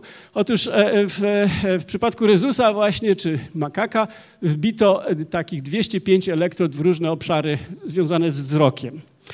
Na, za pomocą tych elektrod, e, kiedy e, makak oglądał bardzo wiele różnych twarzy, można było patrzeć, jakie wysyłają impulsy i można było znaleźć takie transformacje twarzy, które powodują, że dany neuron zaczyna silnie wysyłać impulsy i potem przestaje, ale jeśli zrobimy transformację ortogonalną do deformacji tej twarzy, to ten neuron w ogóle nie reaguje. Okazało się, że ci, ci, ci z Państwa, którzy wiedzą, co to, są, co to jest analiza czynników głównych, czy analiza czynników niezależnych, e, to łatwo będzie im zrozumieć, że są pewne kierunki naturalne dla mózgu, w których te deformacje e, akurat wpływają silnie na aktywność neuronów, a inne nie. Czyli możemy za pomocą tych impulsów teraz zdekodować informacje i zobaczyć, co w tym mózgu jest i co sobie ta małpa wyobraża. No i to jest aktualny obrazek, który małpa widziała. To jest zrekonstruowany z impulsów z 205 neuronów zaledwie. 205 neuronów, nie jakieś tam niebotyczne sumy, prawda, o których tutaj kolega mówił. Wystarczy 200 neuronów, żeby zobaczyć, co małpa ma w głowie i jak sobie wyobraża. To jest taki jakby ekran neuronalny, czyli, czyli odróżniamy aktywację, dlatego że możemy się dobrać do tego, co jest w głowie. Naprawdę zdumiewająco dokładnie to działa. I z danych w rezonansie możemy próbować zrobić coś takiego z ludźmi, bo to jest nieinwazyjne, no ale niestety nie jest to takie proste, bo ta czaszka nam przeszkadza, prawda? Nie ma chętnych, żeby im kłaść elektrody e, tak sobie bez powodu na, na, na, na korze czy wbijać je głębiej. E, w każdym razie dzięki rezonansowi rozpoznanie wyobrażeń i snów e, jest mniej szczegółowe, ale możliwe. Te badania zrobiły dużo szumu w 2011 roku, kiedy się okazało, że rekonstrukcja obrazów z aktywności kory, gdzie co dwie sekundy jest człowiek skanowany i ogląda wideo, a potem na podstawie obrazów, które są, można zobaczyć mniej więcej, jak wygląda jego wewnętrzny obraz. Prawda? To był pierwszy krok w tym kierunku. Okazało się, że to samo można zrobić w snach. Grupa w Japonii, w, w Kyoto, w ATR, e, jest w stanie zrobić to znowu niezbyt dokładnie. Tu się raczej mówi o powiedzmy 20 różnych kategoriach. Człowieka budzą i mówią mu, co mu się śniło. Najpierw on mówi, co mu się śniło wiele razy. Kiedy go budzą w fazie REM, oczy mu się ruszają, prawda, widać, że coś mu się śni. Budzimy go, pytamy, co mu się śniło.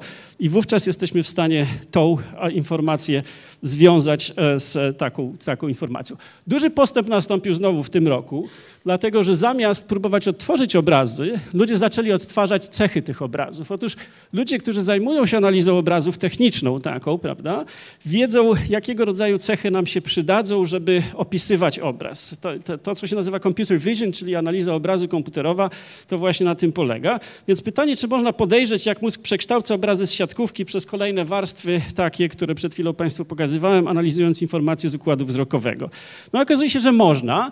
Działa to tak. Pokazujemy człowiekowi różne obrazki, patrzymy w rezonansie, jak wygląda aktywacja jego mózgu i następnie musimy przewidzieć, jak wyglądają cechy tego obrazu. Cechy, które przewidujemy, a nie cały obraz. No i tych cech jest dość dużo, prawda? Przewidujemy te cechy i następnie na pomocą przewidywanych cech porównujemy to z bazą 100 tysięcy obrazów. Robimy to dla 100 obrazów i dla 100 tysięcy możemy odtworzyć to, co człowiek sobie wyobraża, czy co widzi, czy co się dzieje, dlatego że odtworzyliśmy te cechy. To jest niesłychanie ciekawa technika, która się pojawiła w tym roku i w związku z tym po raz pierwszy jesteśmy w stanie zobaczyć, co się w tym mózgu dzieje, prawda? I czego człowiek jest świadomy, kiedy sobie coś wyobraża, bo to się do tego sprowadza. No, to powiecie Państwo dobrze, to jest percepcja. Percepcja to może być robot, prawda? Patrzy, szuka, coś aktywnie rozpoznaje. Nie mamy wątpliwości, że robot jest zdolny do percepcji. Mamy wątpliwości, czy jest samoświadomy, prawda? Czyli, czyli czy, czy są w nim myśli, pojęcia e, i tak dalej. No, kolega przed chwilą powiedział, że e, nie wiemy, co to jest ta myśl. No, no, znaczy, jeśli popatrzeć na wyniki badań znowu tego typu, to możemy pokazywać ludziom dużo obrazków i patrzeć na to, co się dzieje w mózgu właśnie w rezonansie. I okazuje się, że wiele pojęć, które należą do tej samej lub podobnej kategorii, aktywuje mózg w podobny sposób. Prawda? Tutaj jest akurat taki voxel, który znalazłem w atlasie e, e, Galanta z Berkeley, gdzie E, Voxel reaguje głównie na rzeczy związane z morderstwem, z jakimiś gwałtownymi rzeczami. Niektóre voxele są bardzo specyficzne, na przykład matematyka, która się mieści tutaj w naszej bruździe e, e, śródciemieniowej, prawda? gdzie głównie pojęcie, gdzie obszary głównie się aktywują, kiedy myślimy o konkretnych wielkościach liczbowych. I można zrobić taki atlas semantyczny dla tysięcy naprawdę różnych pojęć. Po czym aktywacja pojęć ma prowadzić do aktywności określonych struktur mózgu, bo wówczas rozumiemy te pojęcia. To jest atlas semantyczny. Semantyczna interpretacja wielu pojęć prowadzi do tego, że kiedy byśmy rozpłaszczyli korę i popatrzyli, co się w niej dzieje, kiedy myślimy o, powiedzmy, nie wiem, samolocie czy czymś takim, to wówczas widzimy specyficzne, silne pobudzenia i wyhamowania, czy coś, co jest powyżej średniej i poniżej. Jeśli, jeśli mamy inne pojęcie z tej samej kategorii, to różnica jest niewielka. Jeśli kategoria jest całkiem różna, tak jak tutaj przed chwilą widzieliśmy, to wówczas skaczemy z jednej kategorii do drugiej, zupełnie się ten obraz zmienia. To jest myśl, to jest pojęcie. Skąd się to bierze? No bierze się stąd, że e, mózg ma połączone różne obszary ze sobą bardzo silnie, takimi długimi aksonami, które nazywamy białą materią.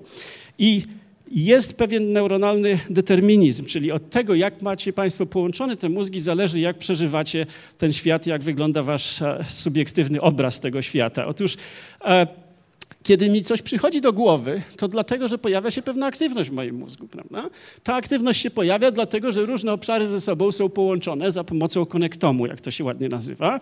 Więc w związku z tym ten e, konektom jest wynikiem doświadczeń życiowych, wychowania, kształtowania się mózgu w procesach rozwojowych, ale też częściowo genetyki oczywiście, prawda? Jak ktoś ma wodogłowie, to ma kiepski konektom, prawda? Ale, ale też ten konektom można kształtować. Otóż kilkanaście lat temu zaczęto mówić o tym, że chcielibyśmy po, po podzielić mózg, dokonać parcelacji obszarów mózgu na tysiąc kawałków przynajmniej albo więcej, żeby dokładnie wiedzieć, co z czym się łączy, jak wyglądają podsieci aktywności i jak rozumieć to, co się w mózgu dzieje. No i to się w tej chwili dzieje rzeczywiście. E, potrafimy do pewnego stopnia opisać e, jak wygląda rozchodzenie się aktywacji w takich mózgu, gdzie mamy tych węzłów powiedzmy setki, 180 na przykład, taka dość popularna parcelacja. No i pojęcie, czy myśl jest taką quasi stabilnym stanem pobudzenia się pewnych obszarów, które ze sobą zaczynają silnie wymieniać informacje i ta informacja sobie płynie. Wiemy o tym między innymi z doświadczeń dotyczących e, analizy tego, jak się zmienia ta aktywacja. Resynchronizacja, kiedy się zmienia, nowa postać się pojawia, e, pojawia się nowy obiekt, nowy, nowy cel i tak dalej. Ludzie oglądają wideo i patrzymy, jak się zmienia resynchronizacja tego, co jest w mózgu, co pozwala im rozumieć to, co widzą. To jest segmentacja doświadczenia. Nawet, nawet autorzy napisali, cytując Szekspira, tutaj cały świat to scena, prawda? Sceny są przejściowe, tak jakbyśmy ten film cieli i a w ogóle tytuł pracy właśnie mówił, że to jest, e, e, że to jest taki, taki, taki editing space, prawda? Czyli coś, gdzie dokonujemy pewnej edycji takiej. No i kiedy bodźce się stają świadome? Kiedy coś jest słabe, nie zauważamy. Kiedy nawet jest silne, ale skupiamy się nad czymś innym, też nie zauważamy. Żeby coś się stało świadome, potrzebna jest uwaga i rozproszenie tego całego sygnału, czy pobudzenie różnych obszarów mózgu, żeby był silne, jednoznaczne pobudzenie. Istnieje teoria, która już istnieje od 1998 roku, przynajmniej, a nawet 10 lat wcześniej. E, psycholodzy zaczęli o niej mówić globalna neuronalna przestrzeń robocza, w której patrzymy na to, że są pewne procesy, e, które są zupełnie automatyczne. To, że Państwo widzicie i nie widzicie pikseli, czy jakichś elementów, czy krawędzi, widzicie widzicie obiekty. Słyszycie słowa, nie słyszycie fonemów, prawda?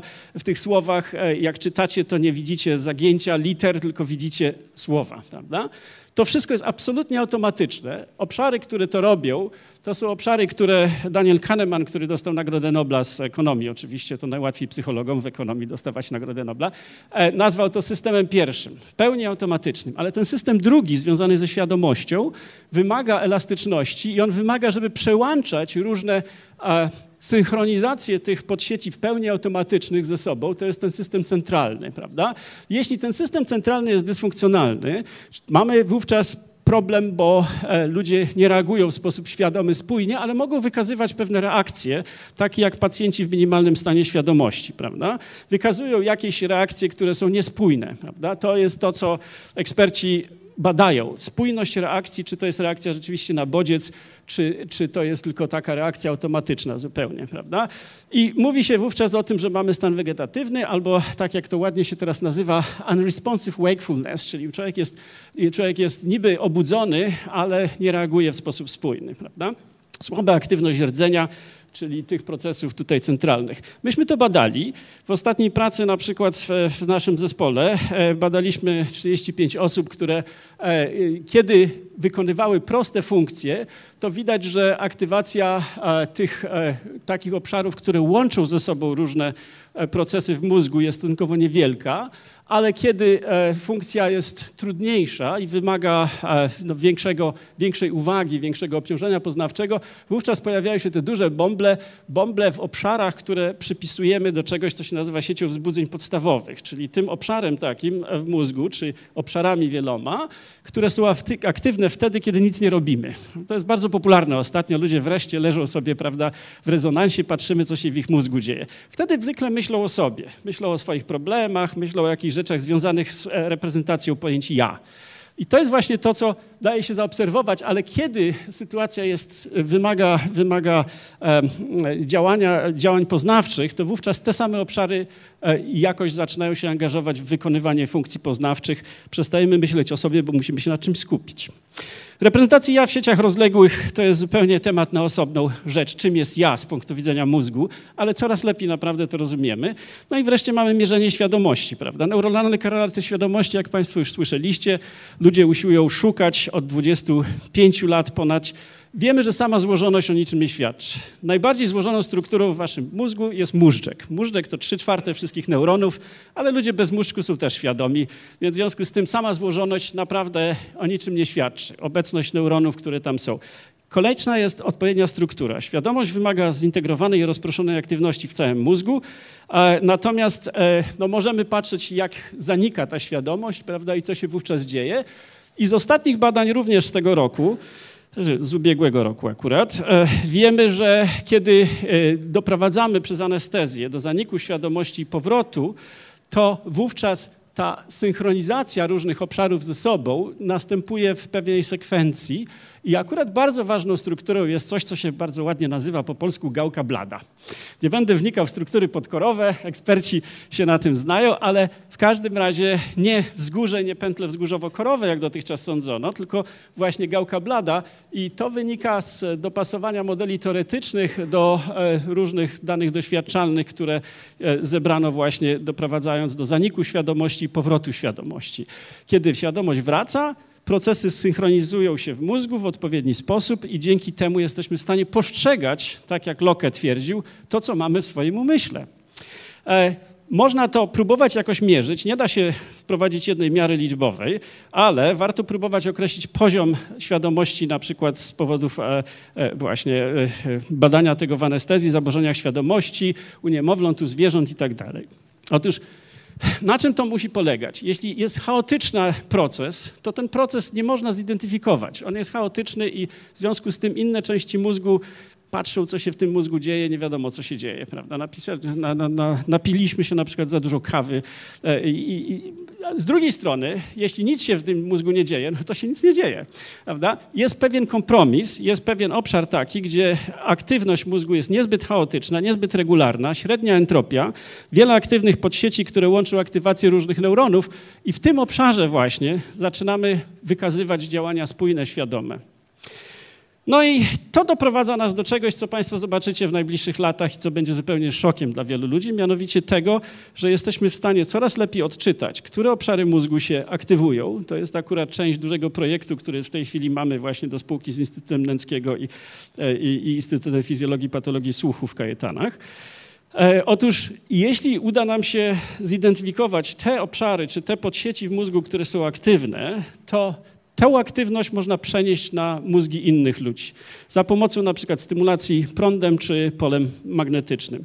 Transfer umiejętności w tej chwili wojsko amerykańskie wykorzystuje tego rodzaju. To się nazywa, e, firma się nazywa Intific i robi coś, co nazywają neuro-EST, czyli e, e, neuronalny trener zdolności takich, prawda, różnych, dla wojska oczywiście. Transfer umiejętności, zmiana neurodynamiki na, na, bardziej efektywną. Bardzo dużo zagrożeń, ale bardzo niesamowite projekty, które są z tym związane. Także dziękuję.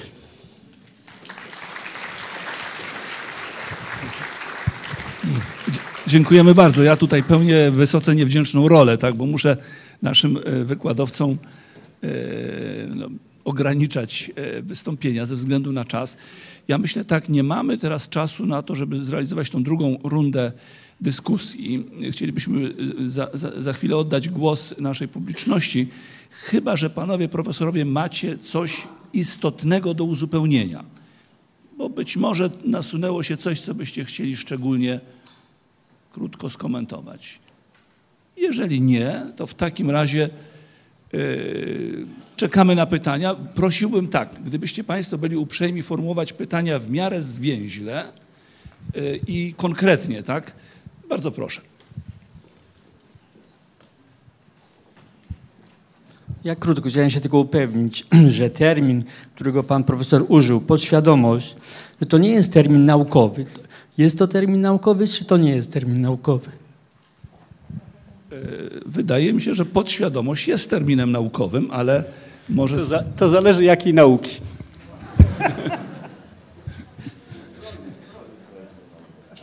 No ale używa się e, to w literaturze naukowej jak najbardziej, prawda?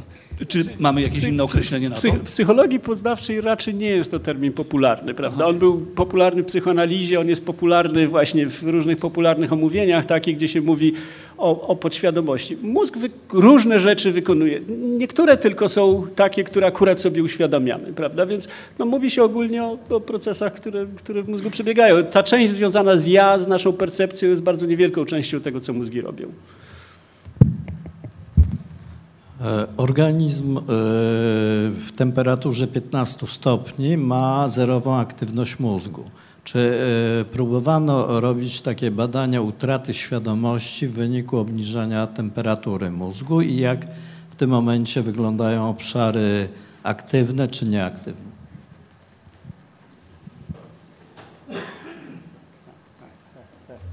Tak, ob- obawiam się, że bardzo trudno jest dostać zgodę komisji etycznej na tego typu eksperyment. No nie no, na, na, modelu, to znaczy przejście do nieświadomości poprzez wyhamowanie wszelkich aktywacji, to jest do zrobienia oczywiście, prawda? Sami żeśmy się tym zajmowali. Ostatnio e, no, napisałem z byłym doktorantem książkę na temat roli pnia mózgu. Tutaj nie mówiliśmy o roli pnia mózgu, ale pień mózgu ogólnie pobudza wstępnie korę, dzięki czemu te synchronizacje, o których żeśmy mówili, mogą zajść tam, prawda? Jeśli rzeczywiście zaczynamy go zamrażać, ro- robiono doświadczenia, w których na przykład można lokalnie wyłączyć pewne funkcje poprzez e, troszkę przymrażanie obszarów na przykład w korze słuchowej czy, czy wzrokowej. To, to jest możliwe, natomiast całkowite wyłączanie tego typu to jest kilka innych technik, ale akurat zamrażanie nie wiem. Mogę, mogę dodać, że y, metoda schładzania mózgu w czasie operacji padaczki na przykład, czy też nowotworu, kiedy y, pacjent jest płytko znieczulony y, i dochodzi do napadu padaczkowego, który no, utrudnia kontynuację, to od lat 60. jest stosowane. Polewa się rzeczywiście mózg wtedy zimnym płynem, tak, na przykład, tak. Także no to, to nie jest, nawet y, rozważaliśmy w jakimś modelu y, spróbowanie takiego feedbacku zastosowania, tylko tak jak się robi w przypadku sygnałów elektrycznych, żeby nie można było gwałtownie w jakimś miejscu doprowadzać do ochładzania, żeby rz- rzeczywiście osłabić aktywność neuronów. No to, to jest prawda.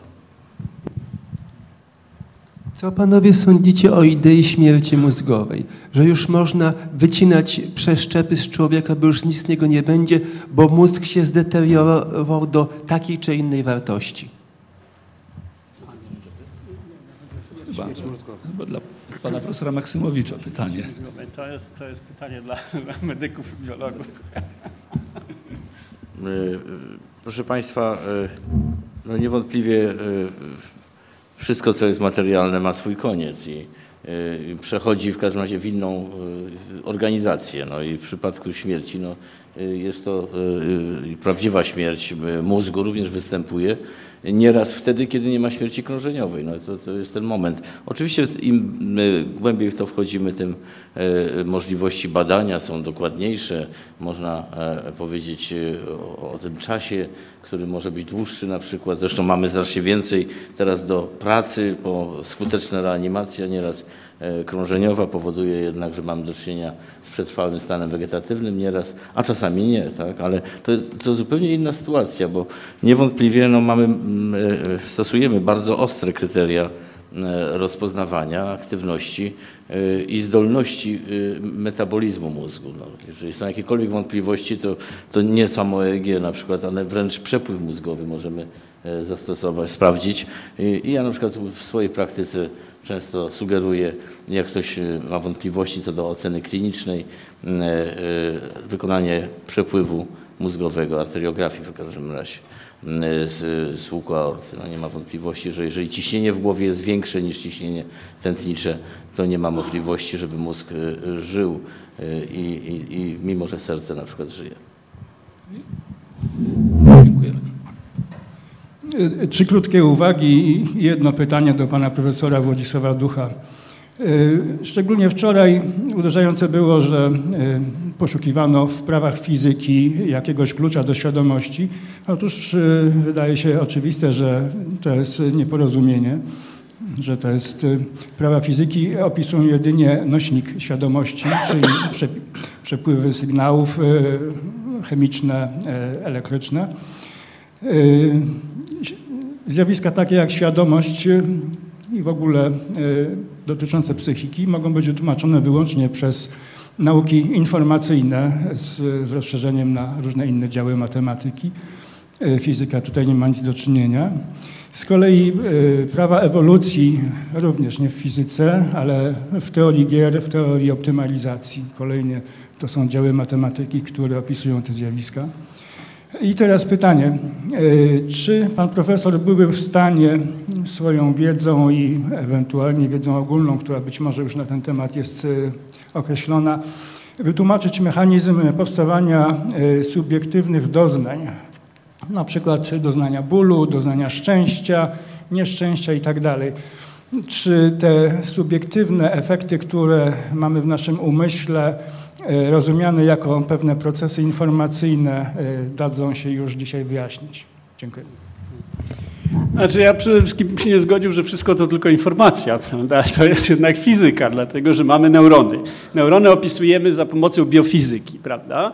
Więc to są, no dobrze, nośniki nośnikami, natomiast e, jest to istotna część naszego opisu, dlatego że równania, które używamy do opisania tego wszystkiego, które mówią nam, jak krąży ta aktywacja i jak w związku z tym również to, co się nam pojawia w głowie, będzie skojarzone z gestami czy z również motoryką związaną z wymową, czyli z e, pojęciami, które, przypisujemy do stanów mózgu, prawda?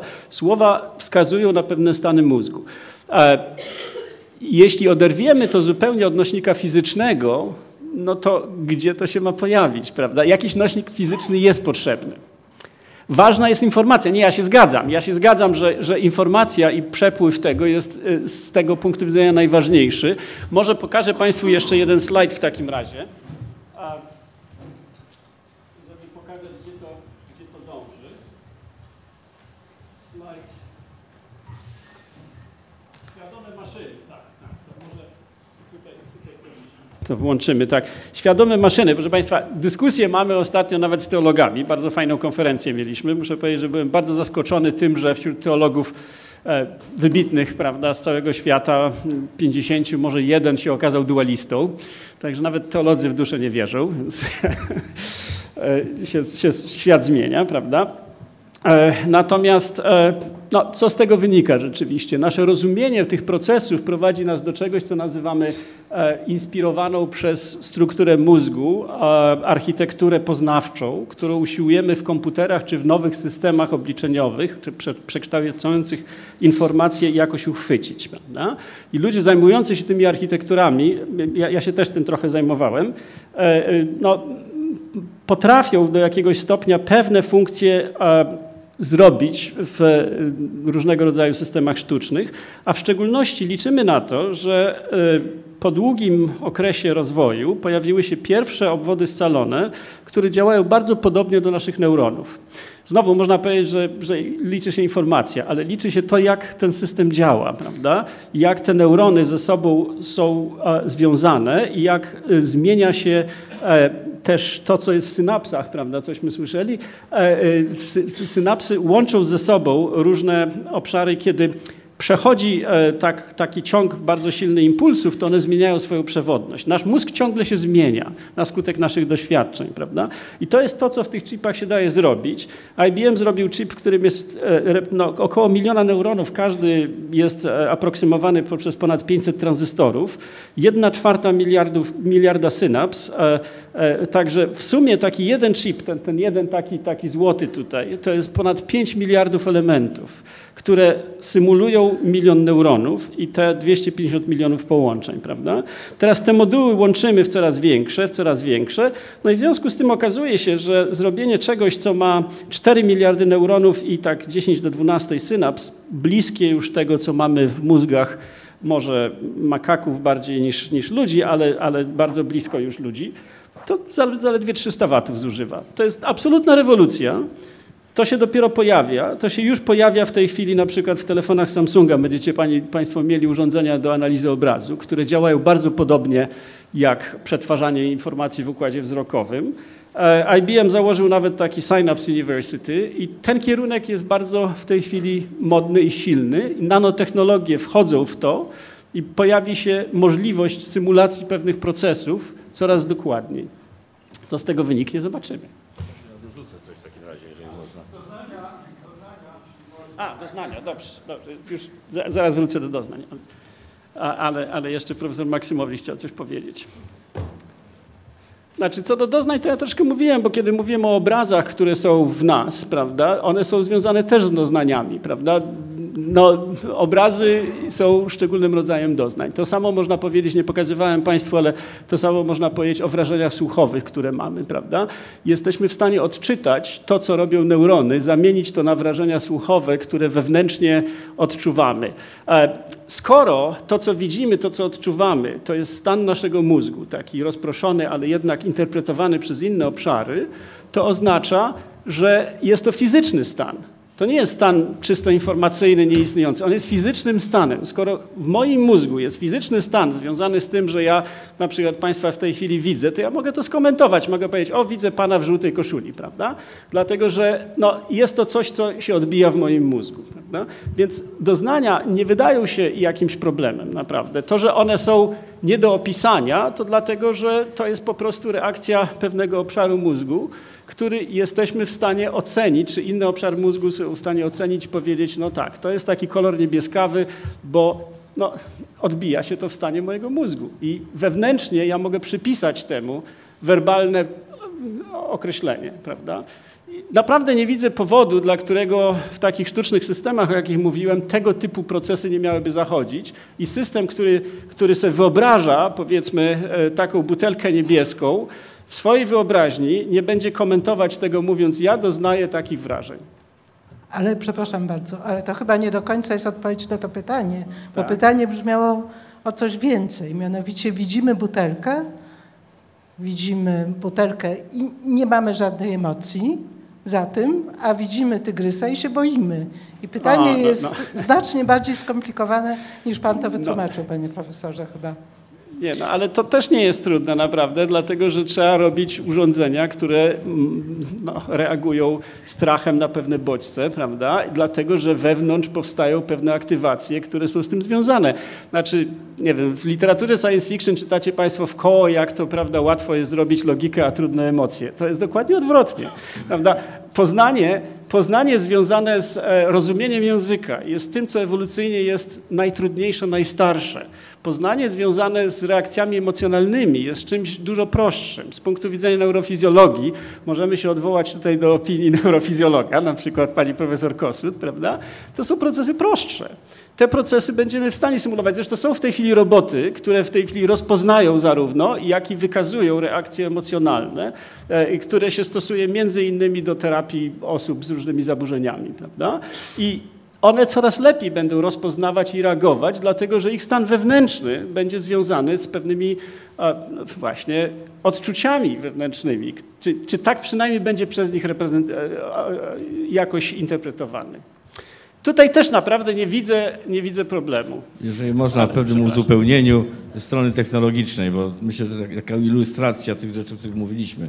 Oto jest e, e, system tradycyjny od e, 50 lat, e, 60 używany, oczywiście w modyfikacji aktualnej technologii rejestracji czynności z powierzchni mózgu, czyli trochę dokładniej niż, niż e, przez czaszkę. E, No, są różne możliwości wchodzenia do środka. To jest też stara metoda, nadal stosowana, czyli wejście do głowy za pomocą stereotakcji. Niedużo trzeba otworzyć, żeby dostać się do środka i wprowadzić różnego rodzaju elektrody. Ale chcę Państwu pokazać coś, co no, dla mnie jest zupełną rewelacją. To jest akurat obraz, co prawda, rdzenia, a nie mózgu.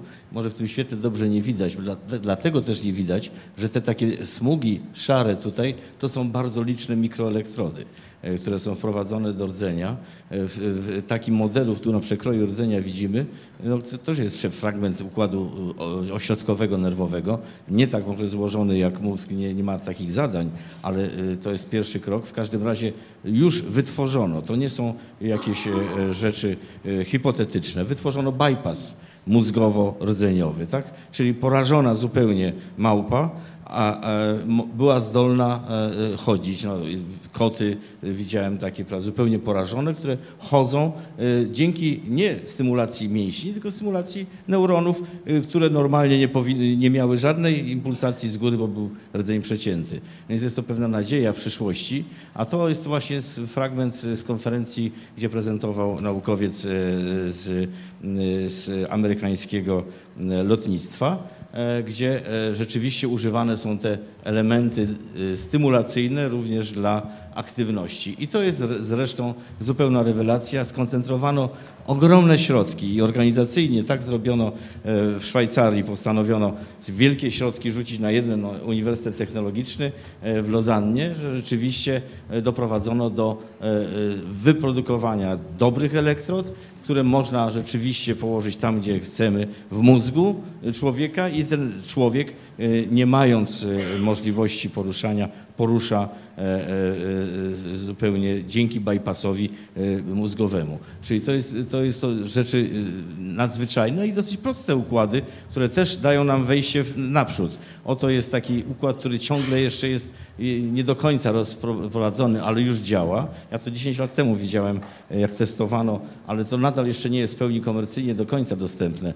Jest, ale nie do końca. To znaczy układ taki, który rejestruje czynność mózgu, jednocześnie jak się zbliża fala napadu, to e, robi supresję taką, że, że nie dochodzi do rozwinięcia się napadu. Tak?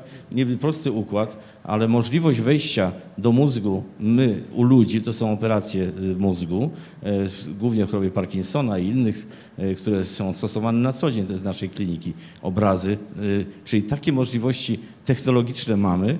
E, I wreszcie to, co kiedyś robiliśmy z profesorem Skarżyńskim, jeszcze tu w Warszawie, profesor Skarżyński też e, w tym uczestniczył, profesor Ber z Fuldy, e, usunięcie takich nerwiaków, włókniaków i położenie na pniu mózgu, czyli to, o co nam właściwie chodzi. Po, położyliśmy elektrody, które połączone omijały ucho. Tak? Ten człowiek po prostu nie miał ucha, no nie miał w ogóle odbioru. Odbiór słuchu i zdolność dzięki technologii, procesorom, które dawały w końcu i treningowi oczywiście trudnemu zdolność e, m, odbierania no, słuchu właściwie z pominięciem e, układu, e, fragmentu układu nerwowego.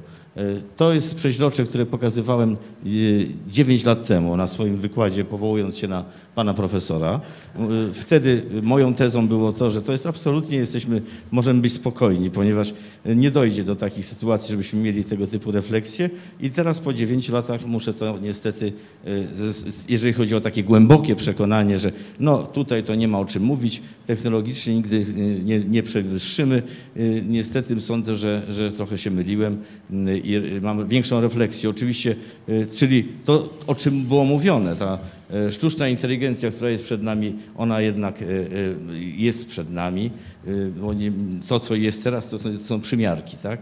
Czyli czy to jest zdolność oczywiście w jakimś stopniu e, odczuwania, czy to tam się zlokalizuje dusza, to jest inna sprawa, ale, ale, ale zdolności do tych licznych operacji i takiego kontaktowania znacznie więcej niż teraz możemy sobie wyobrażać. Naprawdę z pokorą teraz podchodzę do tego. Może, może dodam, że pan profesor jest jednak prezesem Polskiego Towarzystwa Neuromodulacji. Za pomocą neuromodulacji można wywoływać bardzo różne doznania. Prawda? Jest rzeczą bardzo ciekawą, co się dzieje, kiedy takie pulsy e, e, magnetycznego, prawda, silne, silne magnetyczne puszczamy tu i ówdzie, dlatego że to wówczas wprowadza nasz mózg w stany, które są nietypowe i nie wiemy, co doznajemy. Mamy problem z opisaniem tego, bo powstaje stan, do którego nie mamy prostej etykiety czy, e, czy połączenia pomiędzy naszym właśnie obszarem, które zachodowało pewne e, słowa, czyli pewne no, reprezentacje motorycznych programów, które pozwalają nam wymówić coś, ale też wewnętrznie się pojawiają i pozwalają nam używać symboli, prawda? A tutaj wprowadzamy bardzo różne dziwne doznania.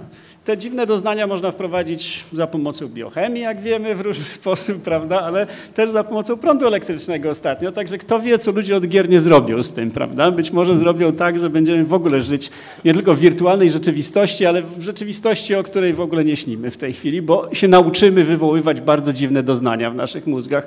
W latach 50. słynne doświadczenia, gdzie szczur naciskał, naciskał klapkę, dlatego że to mu stymulowało jądro półleżące, czy część akurat e, chyba wtedy e, e, wzgórza, prawda, powodowało, że taki szczur mógł paść z wyczerpania i głodu, bo takie doznanie było nie do oparcia się, prawda. To było piękne doznanie. Ja, ja bym chciał jednak zadać pytanie. I tak skończymy wszyscy. Tak? Znaczy, ja, ja bym chciał wyrazić jednak bardzo poważną wątpliwość w czasie tej dyskusji, ponieważ tu jest implicite zakładane, że jakbyśmy lepiej mapę mózgu zrobili, to byśmy coraz dokładniej odtwarzali to, co mózg myśli, czuje. Jakbyśmy sobie zrobili taki system, prawda, jakiś tam wy, wy, wy, komputerowy, to byśmy to mogli mapę tego zrobić doskonale. Otóż ja jako fizyk wyrażam bardzo poważną wątpliwość, że takie coś jest możliwe.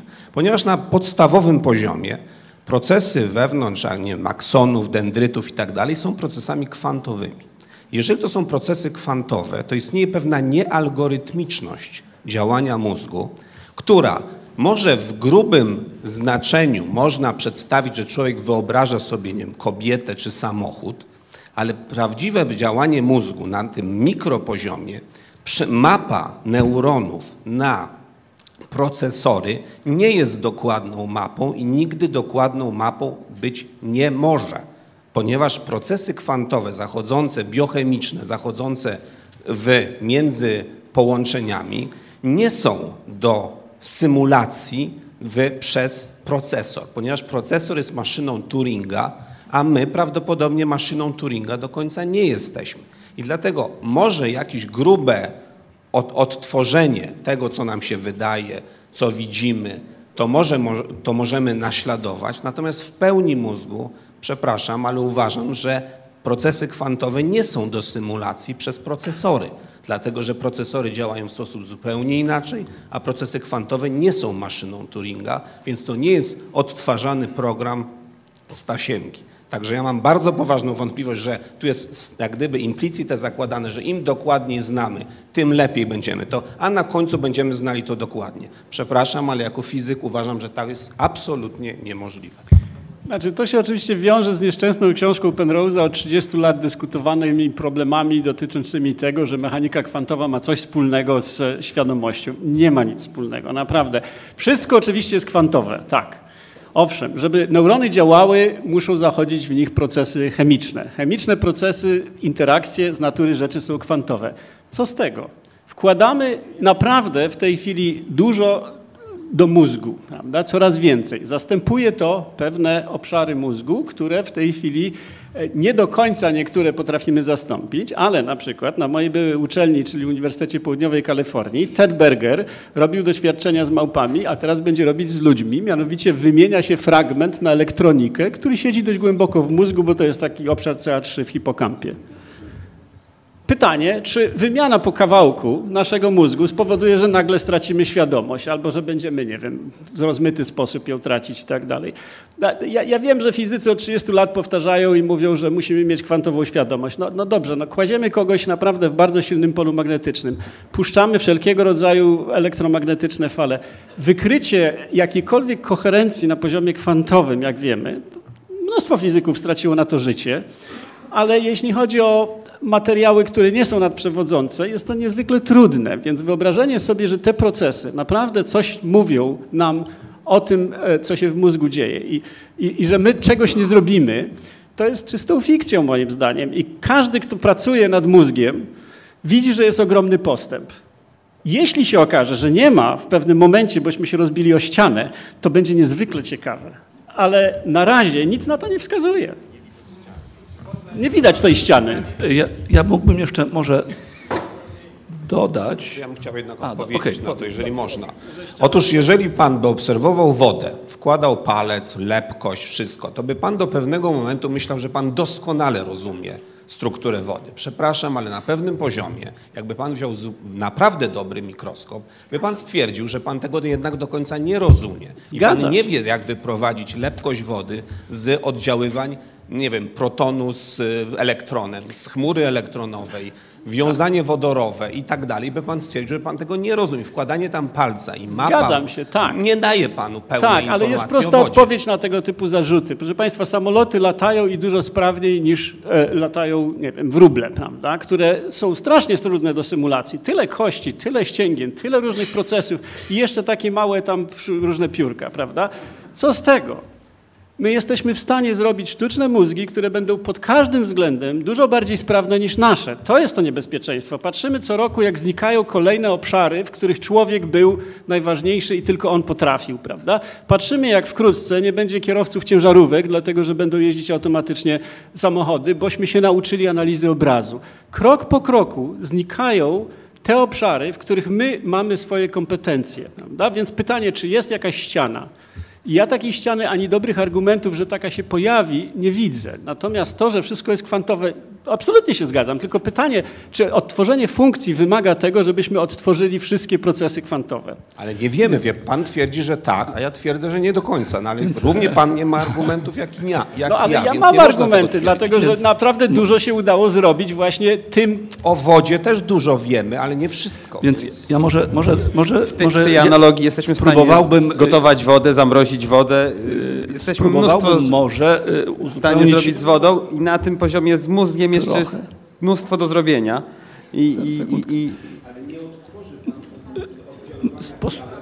może, może, może ja spróbuję y, częściowo odpowiedzieć na to pytanie. E, 10 lat temu mniej więcej, czy 15, włożyliśmy bardzo dużo pracy, żeby z pierwszych zasad odtworzyć funkcjonowanie jednego z enzymów, prostych enzymów. Enzym to jest taka maszyna kwantowa, właśnie kwantowo-klasyczna. Tak? I generalnie rzecz biorąc, nam się to prawie udało, to znaczy to było prawie z pierwszych zasad, olbrzymim nakładem y, pracy i y, mocy obliczeniowych.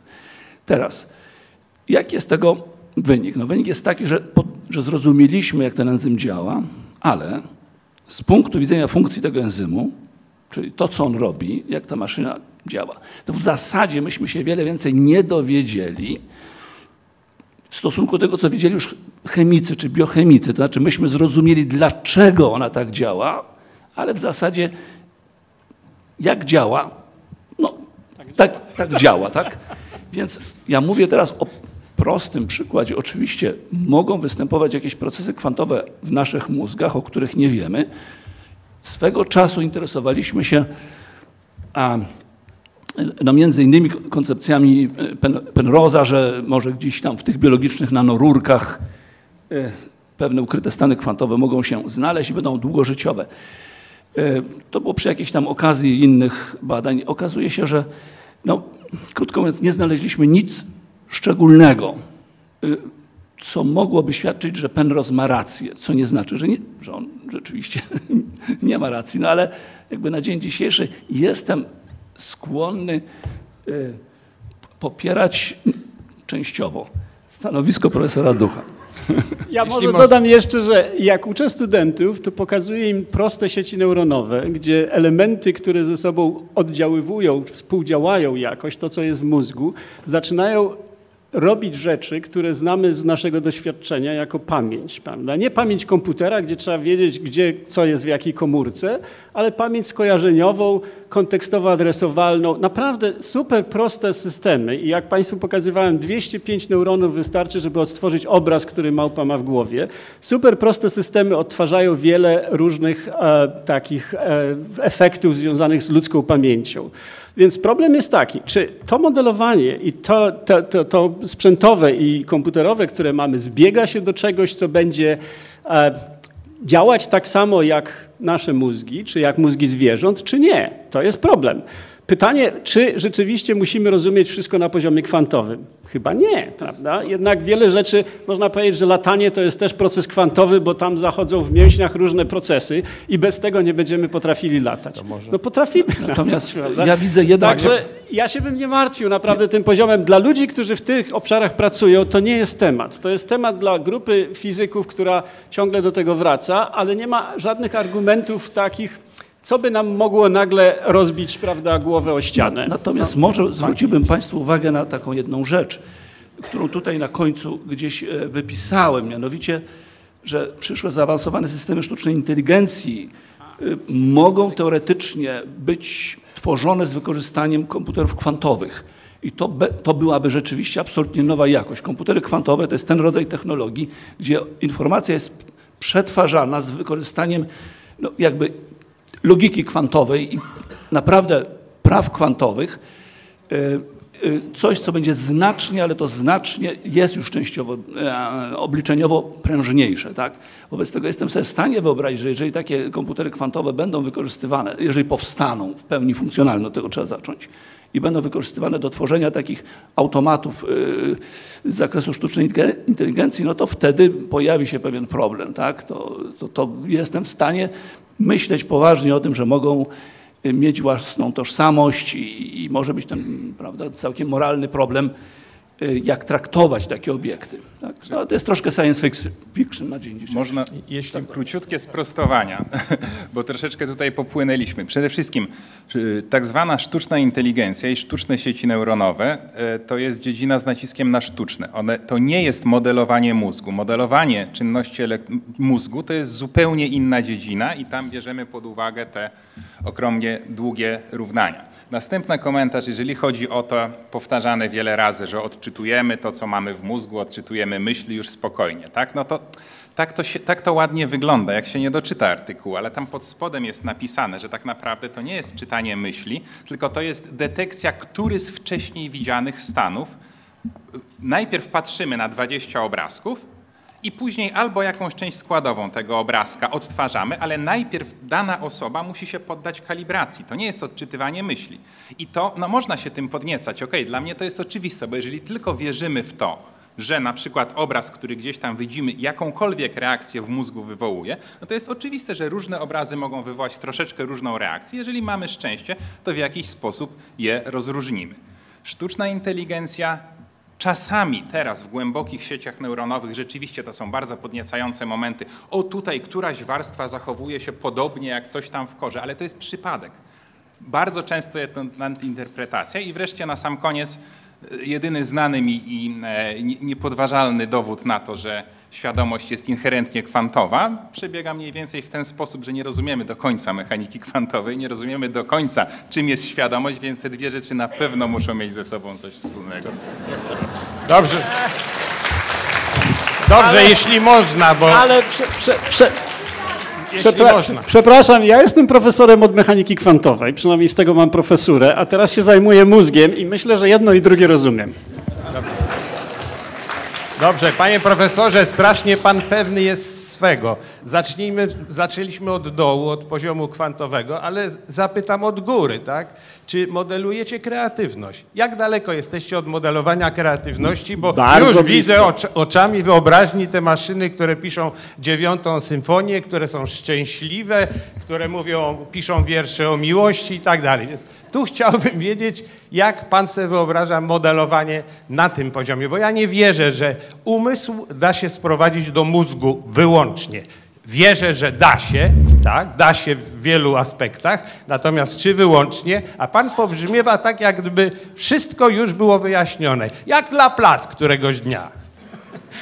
Oczywiście wszystko nie jest wyjaśnione, jest bardzo wiele różnych rzeczy, których jeszcze nie rozumiemy i szczegółów. Jeśli chodzi o kreatywność, to computational creativity to jest dziedzina, która od 15 lat się nieźle rozwija. Sam napisałem dość podstawowy artykuł, który możecie Państwo znaleźć na mojej stronie, dotyczący intuicji, kreatywności i różnych innych takich subtelnych rzeczy, które próbujemy e, w modelach uchwycić. Jest dużo bardzo prac dotyczących właśnie tworzenia muzyki, takich generatywnych metod, które są oparte na dość złożonych jednakże modelach, jak to robić.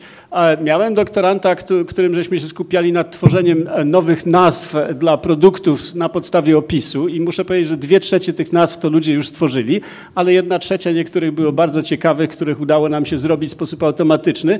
Naprawdę jest taka teoria e, gościa, który się nazywa Campbell z, lat 60. jeszcze, która się nazywa e, e, e, Blind Variation Selective Retention, która jest teorią psychologiczną, którą no, odkryłem, a potem dopiero zobaczyłem, że psycholodzy to wiedzą prawda, od, od 60. lat, ale nie mieli modeli komputerowych. Także kreatywność nie jest czymś, co przekracza możliwości w tej chwili komputerów i to Państwo zobaczycie. O, e, jeśli ktoś oglądał, oglądał te, ten Deep Art na przykład, to może zobaczyć, jakiego rodzaju obrazy maszyna Google'a jest w tej chwili w stanie wyprodukować. I, i jeśli zrobimy na ślepo prawda, wystawę różnych obrazów, to które z nich Państwo uznacie za kreatywne? Czy te, które ludzie robią, na przykład absolwenci akademii, czy te, które robi maszyna? Będzie to naprawdę bardzo trudne. Będziemy powoli zbierzać do końca. Tam jeszcze jakieś pytanie.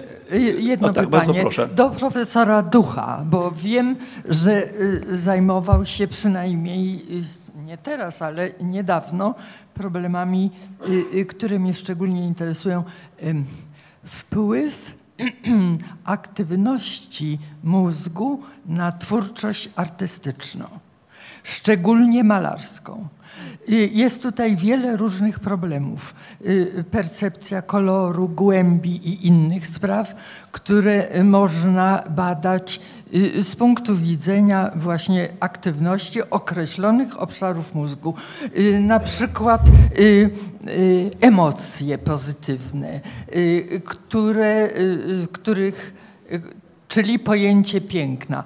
Te sprawy y, byłoby ciekawe y, y, bliżej rozpoznać.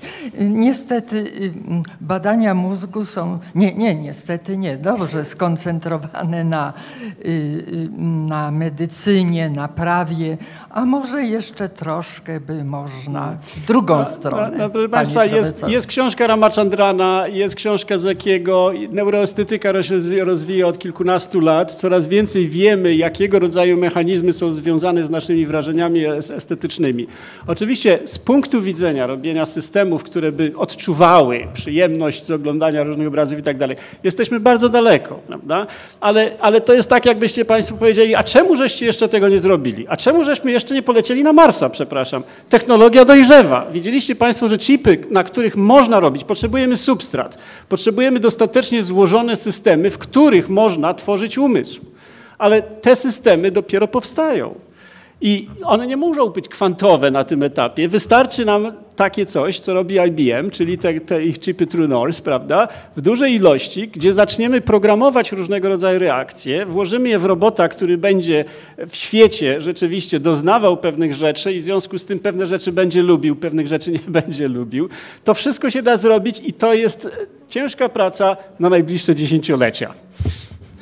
Nie, niemniej dodałbym, że informatyków naszych należy uczyć kwantowej logiki i metod kwantowego procesowania informacji. Tak? A to jest na studiach informatycznych konwencjonalnych tego się nie uczy jeszcze. Tak? E, W Toruniu się uczy algorytmów kwantowych. Świetnie. No dobrze. E, Proszę Państwa, e, no, powinniśmy zmierzać do końca. Ja będę tutaj, dostanę burę od dyrektora, naszej pani dyrektor festiwalu, jak nie zakończę tej dyskusji. E, Jeżeli ktoś z Państwa ma wyjątkowo ważne pytanie, ostatnie, wyjątkowo ważne.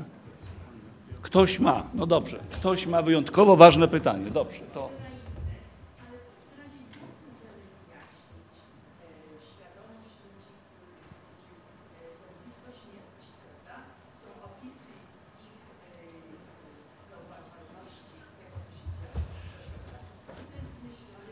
Chodzi, chodzi o świadomość Tak, nie, chodzi, chodzi o, o sytuację bliskiej śmierci klinicznej, tak zwane near death experiences. Są dwa czasopisma na ten temat. Przez ostatnie 7 lat prowadzony był ogromny projekt w bardzo wielu instytucjach na świecie, który się nazywa projektem AWARE. Można poszukać projekt AWARE i zobaczyć, jakie są rezultaty tego projektu. Niestety nie udało się nikomu, kto twierdził, że wyszedł poza ciało i patrzył z góry, zobaczyć, co było tam napisane, co było widać tylko z góry. E, najwyraźniej są to jednakże stany subiektywne, które mogą mieć niesłychanie silny wpływ na to, co człowiek przeżywa i jak później będzie żył. To, to co do tego nie ma wątpliwości. To są stany autentyczne, natomiast nie, to nie są to stany fizyczne, w tym sensie, że nie wiem, jakaś świadomość wychodzi i, i jakimiś oczkami patrzy. Prawda? E, Naprawdę polecam e, rezultaty. Jest raport projektu EWR. Przez 7 lat rzecz była bardzo dokładnie badana i można zobaczyć, jakie są rezultaty. I w tym przypadku nie ma to wiele wspólnego z e, Jeżeli można w wiarą w uzupełnieniu, to, że, że, że w jest uzupełnieniu dualizm. powiedziałbym tak, mamy dwie skrajności. W pełni świadomą osobę, która świetnie percepuje, co się dzieje i tę osobę, która ma akurat jest e, w znieczuleniu e, jakimś, na przykład no, obudzona ze znieczulenia farmakologicznego, ale właśnie ochłodzony mózg do takiej temperatury, że neurony nie, nie, nie działają. I coś pomiędzy tym występuje bardzo często. To jest bardzo często i każdy z nas miewa takie doświadczenia. E, Déjà vu, które odczuwamy czasami, każdy myśli, że to jest jakieś dotknięcie czegoś e, e, nadprzyrodzonego, jest związane z pewnym takim właśnie błędem aktywności, która się pojawia w pewnym momencie. I również inne takie wrażenia w sytuacjach granicznych mogą występować. Niewątpliwie w procesie umierania na przykład, czy też śmierci klinicznej, która może być odwracalna w pełni. Pojawiają się, to jest zrozumiałe, jak źle się czujemy, duszno nam się robi, też m- możemy mieć jakieś inne doznania. I te doznania są związane z aktywnością akurat inną mózgu, nie, nie do końca e, taką, która jest e, e, normalna. I, i, I potem jak to się zarejestruje, to daje taki obraz. To jest najczęstsze wytłumaczenie takie nasze, jeżeli mamy dużo do czynienia na przykład z chorymi na padaczkę, bo, bo to są stany, kiedy w gwałtowny sposób dochodzi do desynchronizacji pracy mózgu. Prawdziwy napad padaczkowy uogólniony, to znaczy, że przestaje normalnie funkcjonować, nie ma normalnych działań. Działań poza tymi przymusowymi, ale po drodze bywa moment właśnie e, zwany aurą na przykład w niektórych sytuacjach, zwłaszcza padaczki skroniowej, wtedy kiedy mamy do czynienia właśnie z obszarami bliskimi tych spraw e, e, kreatywnych i tak dalej, to mogą się nawet wizje pojawiać, których nigdy normalnie by nie było. I to nie jest wyraz jakiejś choroby psychicznej, jest to po prostu akurat wyraz innej, innego funkcjonowania przejściowego mózgu i to też jest pewnie tym można wytłumaczyć. E, Proszę Państwa, no, y, w ogóle bardzo się cieszymy, że dyskusja była ożywiona, tak? Ale musimy już kończyć. A Bardzo... ja muszę się us- usprawiedliwić. Dlaczego? Znaczy, istotą festiwalu jest wzbudzić zainteresowanie i pozostawić niedosyt. A nie ma nic gorszego niż przesyt w sprawie nauki. Więc chciałam, żeby wszyscy wyszli z pytaniami w głowie, a, które, no jeszcze Państwo, Panowie przez Jeżeli ktoś z zostaną, Państwa zechce więc... y, y, zadać jakieś pytania indywidualnie czy przedyskutować, to chwilę tutaj będziemy i oczywiście chętnie, chętnie z Państwem porozmawiamy. Jeszcze raz dziękuję. Mam jeszcze jedną uwagę, taką informację.